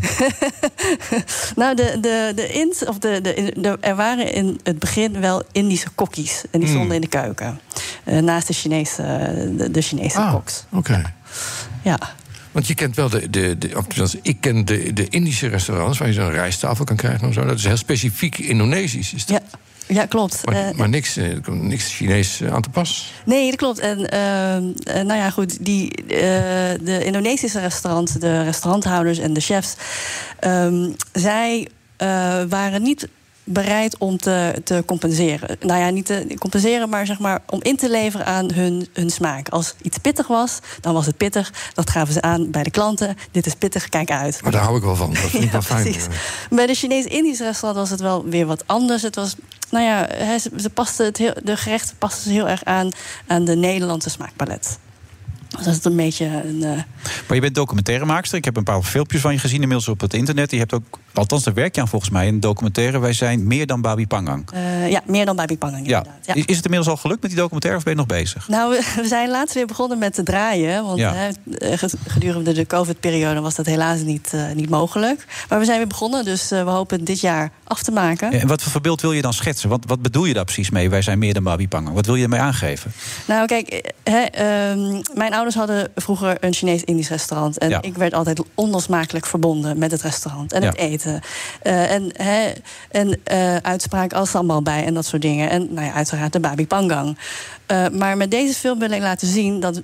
Ja, we zijn meer dan Babi Pangang. En, het, en eh, eh, als Chinese Nederlander zijnde eh, eh, eh, zijn wij zoveel meer. En ik wil juist een eh Maar je, je inkijkje hebt het ook over discriminatie heel veel. Je zegt ook dat we in de media worden we niet goed gerepresenteerd. gerepresenteerd. Mhm. De- de- Er voelt een een soort eh, gebrek aan erkenning. Dat is wat je eigenlijk probeert uit te stralen. Precies, maar Ja. ook te laten zien wat voor verleden de Chinese zeelieden eh, hebben gehad. Want 100 jaar geleden kwamen ze hier al naartoe, toch? Exact, ja. En er zijn vrij weinig. Nou ja, deze geschiedenis is niet heel bekend. Nee. Kun je hem dus- kort samenvatten hoe dat ging dan? Eh, nou ja, goed. eh, in, rond 1911 eh, werden door de scheepvaartmaatschappij in Nederland... eh, werden er eh, Chinese zeelieden vanuit Londen naar Nederland, naar Nederland gehaald... omdat er destijds een staking gaande was. Ja. Eh, op het moment dat de staking, eh, of tenminste de, de, de Chinezen naar Nederland waren gehaald, werden zij ook de stakingbrekers genoemd. En eh, z- ja, ze waren niet welkom, want de staking was door hun dus niet gelukt. Eh, dus ze werden al aangekeken met eh, eh, het, het gele gevaar en zij pakken onze banen af en dergelijke. Eh, de- dus, hè, en op een gegeven moment, eh, ehm, eh, eh, toen dat allemaal was afgelopen, ehm, ja, werden- waren ze eigenlijk niet welkom om te blijven. Dus tijdens de jaren 30, ehm, tijdens de, de economische crisis in Nederland, werden ook flink wat Chinezen gedeporteerd. Ja. Werden op een boot gezet, huppakee, terug naar Indonesië, terug naar China. Maakt me niet uit waar je eigenlijk vandaan komt. Ik zet je daar neer en zoek het uit. Dus ja, weet je, eh, deze geschiedenis wil ik juist hè, in de film naar voren brengen. Zodat mensen zien van oké, nou ja, dat is een behoorlijke ges- geschiedenis geweest. Maar dat is de basis van het documentaire, is dat. En daarna ga je naar de, naar de culinaire kant daarvan. Ja, het is een culinaire en culturele zoektocht naar de eh, ja, Chinese, eh, Nederlandse identiteit. Ja, maar dan zie je ook wel van die Chinese restaurants... waar ze dan heel eh, deftig koken. Een soort met, met sterren, Chinese sterrenrestaurants. Hoort dat daar ook bij? Of is dat dan weer aanstellerij? Eh, nee, ik denk dat het een soort een ontwikkeling is. Hè, want op een gegeven moment er zijn steeds minder Chinees-Indisch restaurants. Jammer. Eh, ja. Dat vind ik echt, ja. Ja, maar goed, hè, de eetcultuur in Nederland is ook zodanig veranderd dat hè, de vraag neemt af. Omdat men nu erachter is gekomen dat er veel meer is dan de babi pangang. Dus men wil wat meer authentieker gaan eten. Men wil meer eh, ja, spannender eten. Ja, en waar kom je dan terecht als je spannend wil eten? Dat is, dat is Nou, als het. je echt authentiek wil eten, dan zou je naar, eh, nou, nu, nu maak ik even reclame, maar naar Sea Palace bijvoorbeeld. Oh ja, ja, dat ken ik. Ja, ja dat is een hele Dat is au- authentiek Chinees. Oh. Ja, dat is een hele goeie. Maar je vader heeft die omslag niet willen maken. Hè? Die is verhuisd volgens mij naar een andere eh, stad. En daar is nog steeds de vraag heel erg naar de manier waarop het was, zeg maar. Ehm, nou, in Rozenburg. Hij heeft eh, inmiddels zijn zaak alweer gesloten ook. Ja. Maar hè, hij, eh, het was in een dorp. eh, en daar gaat de verandering niet zo heel snel. Oké.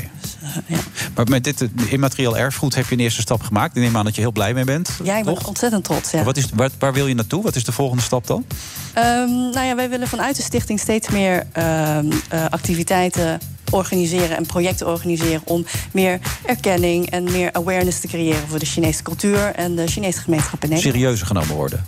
Ehm, Het sambal bij wat je zegt, dat is eigenlijk een flauwe eh, opmerking. Het is een grap geworden, dat, dat willen we niet meer. Dit moet, Nee, nee, nee. Ik, we willen voorbij de stereotypen gaan en Ja. echt inzicht geven over wie wij nou echt zijn. En wat vindt je vader ervan dat je dit doet? Ja. Is hij trots? hij, is, eh, hij is trots. Ja, hè? je bent echt een ja. held, hè? Dus, eh, Wat leuk. Ja. Nou, dat was een stuk serieus dit, hè? ja, ik ben, daar ben ik heel blij mee. Dankjewel. Had eh, je haar een beetje Rudolf, hè? afgezekerd vorige keer? Nou nee, we kregen het... Ja, dus, eh, ik kan het niet meer herhalen, dat gesprek. Maar het was een beetje een onhandig gesprek... waarbij we elkaar niet helemaal begrepen. En dat hebben we later weer een beetje rechtgezet. En volgens mij is het bij deze ook veel duidelijker gemaakt. Ja. Hè? Dat er inderdaad een veel groter verhaal achter zit. Kijk, ik bleef ook een beetje in de stereotypen hangen. En dat komt natuurlijk ook omdat... je moet heel snel op zo'n Veronica-zender... proberen er even wat van te maken. Maar toen kwam ik eigenlijk achter dat dit een heel serieus verhaal is. Waarbij je ook nog vertelde dat heel veel van de eerste generatie... tweede generatie die taal niet kon leren... omdat ze zo hard moesten werken.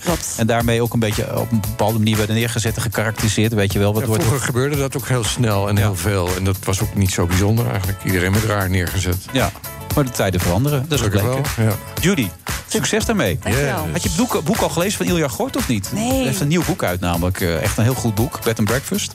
Ja, moet je misschien een, een rec- recensie schrijven op, op de bol.com. Dan zou Ja. ik zeggen dat mensen bij sierpallers moeten gaan eten. Ja, goed. Bedankt je wel. Jij ook weer bedankt. eh, en ik, ik hoop, je test was goed, hè? Je kan gewoon Frankrijk weer in, hè? Ja, ja. ja Alles in orde? Ja, ik ben Ja. helemaal free. Corona geweldig. free. Volgende boek alweer aan begonnen, of? Nou, eigenlijk wel, ja. Echt waar? Ja, ja, ja. ja, ja. Ik Wil vind je het al zo een leuk, tipje man. van de sluier, of niet? Ja, ja, dat is een deel drie. Van die wijnboer, Ja, ja, weer. ja. Met zijn wiet. Ga gewoon door. Ja? Ja, joh. Oh, Superleuk, man. Succes ook met die druif, hè, dat hij het een beetje goed gaat doen. Ik zou je op de hoogte houden. Ja. maar stuur je dan ook weer zijn boek toe dan, of niet? Is goed, als je dit keer wel... eh, Schrijf ik een aanneemt. recensie. Ja? Graag. Dankjewel, Julia. En volgende week zijn we er weer. Volgens mij met Bert Huisjes. Zo, dat gaat een rechtsuitzending worden. Dat kan haast niet anders. Tot dan. Per direct is de avondklok opgeheven. Althans, dat moet de staat gaan doen, vindt de rechtbank. Grapperhaus, de minister, die was wel gewaarschuwd. Namelijk door de Raad van State. We hebben besloten om ten overvloede een spoedwet te brengen. Dan roep ik iedereen op, met klem, om zich aan de avondklok te te houden. Juist ingrijpende maatregelen, zoals de avondklok, ja, die moeten wel op goede wet gebaseerd zijn. We hebben daar hoger beroep tegen ingesteld. Nee, nou dan, u mag niks zeggen. Mevrouw, ik vraag u. Een dringende oproep aan Nederland. Houd je aan die avondklok. Dit tast de geloofwaardigheid van de hele rechtspraak aan. Het is wel een hoop eh, turbulentie in één keer... wat eh, we van tevoren niet aan zagen komen. Dat het vandaag zo zou eh, eh, spelen. En er wordt heel snel geroepen, ja, maar het mag niet van de EU Oh. en zo. Maar verder is het gewoon dezelfde avondklok. Eh, Je mag niet buiten zijn. Je moet natuurlijk een klein beetje onder de motorkap kijken, zeg maar. Onrechtmatig is onrechtmatig. Dus, eh, dus Facebook moet ook betalen.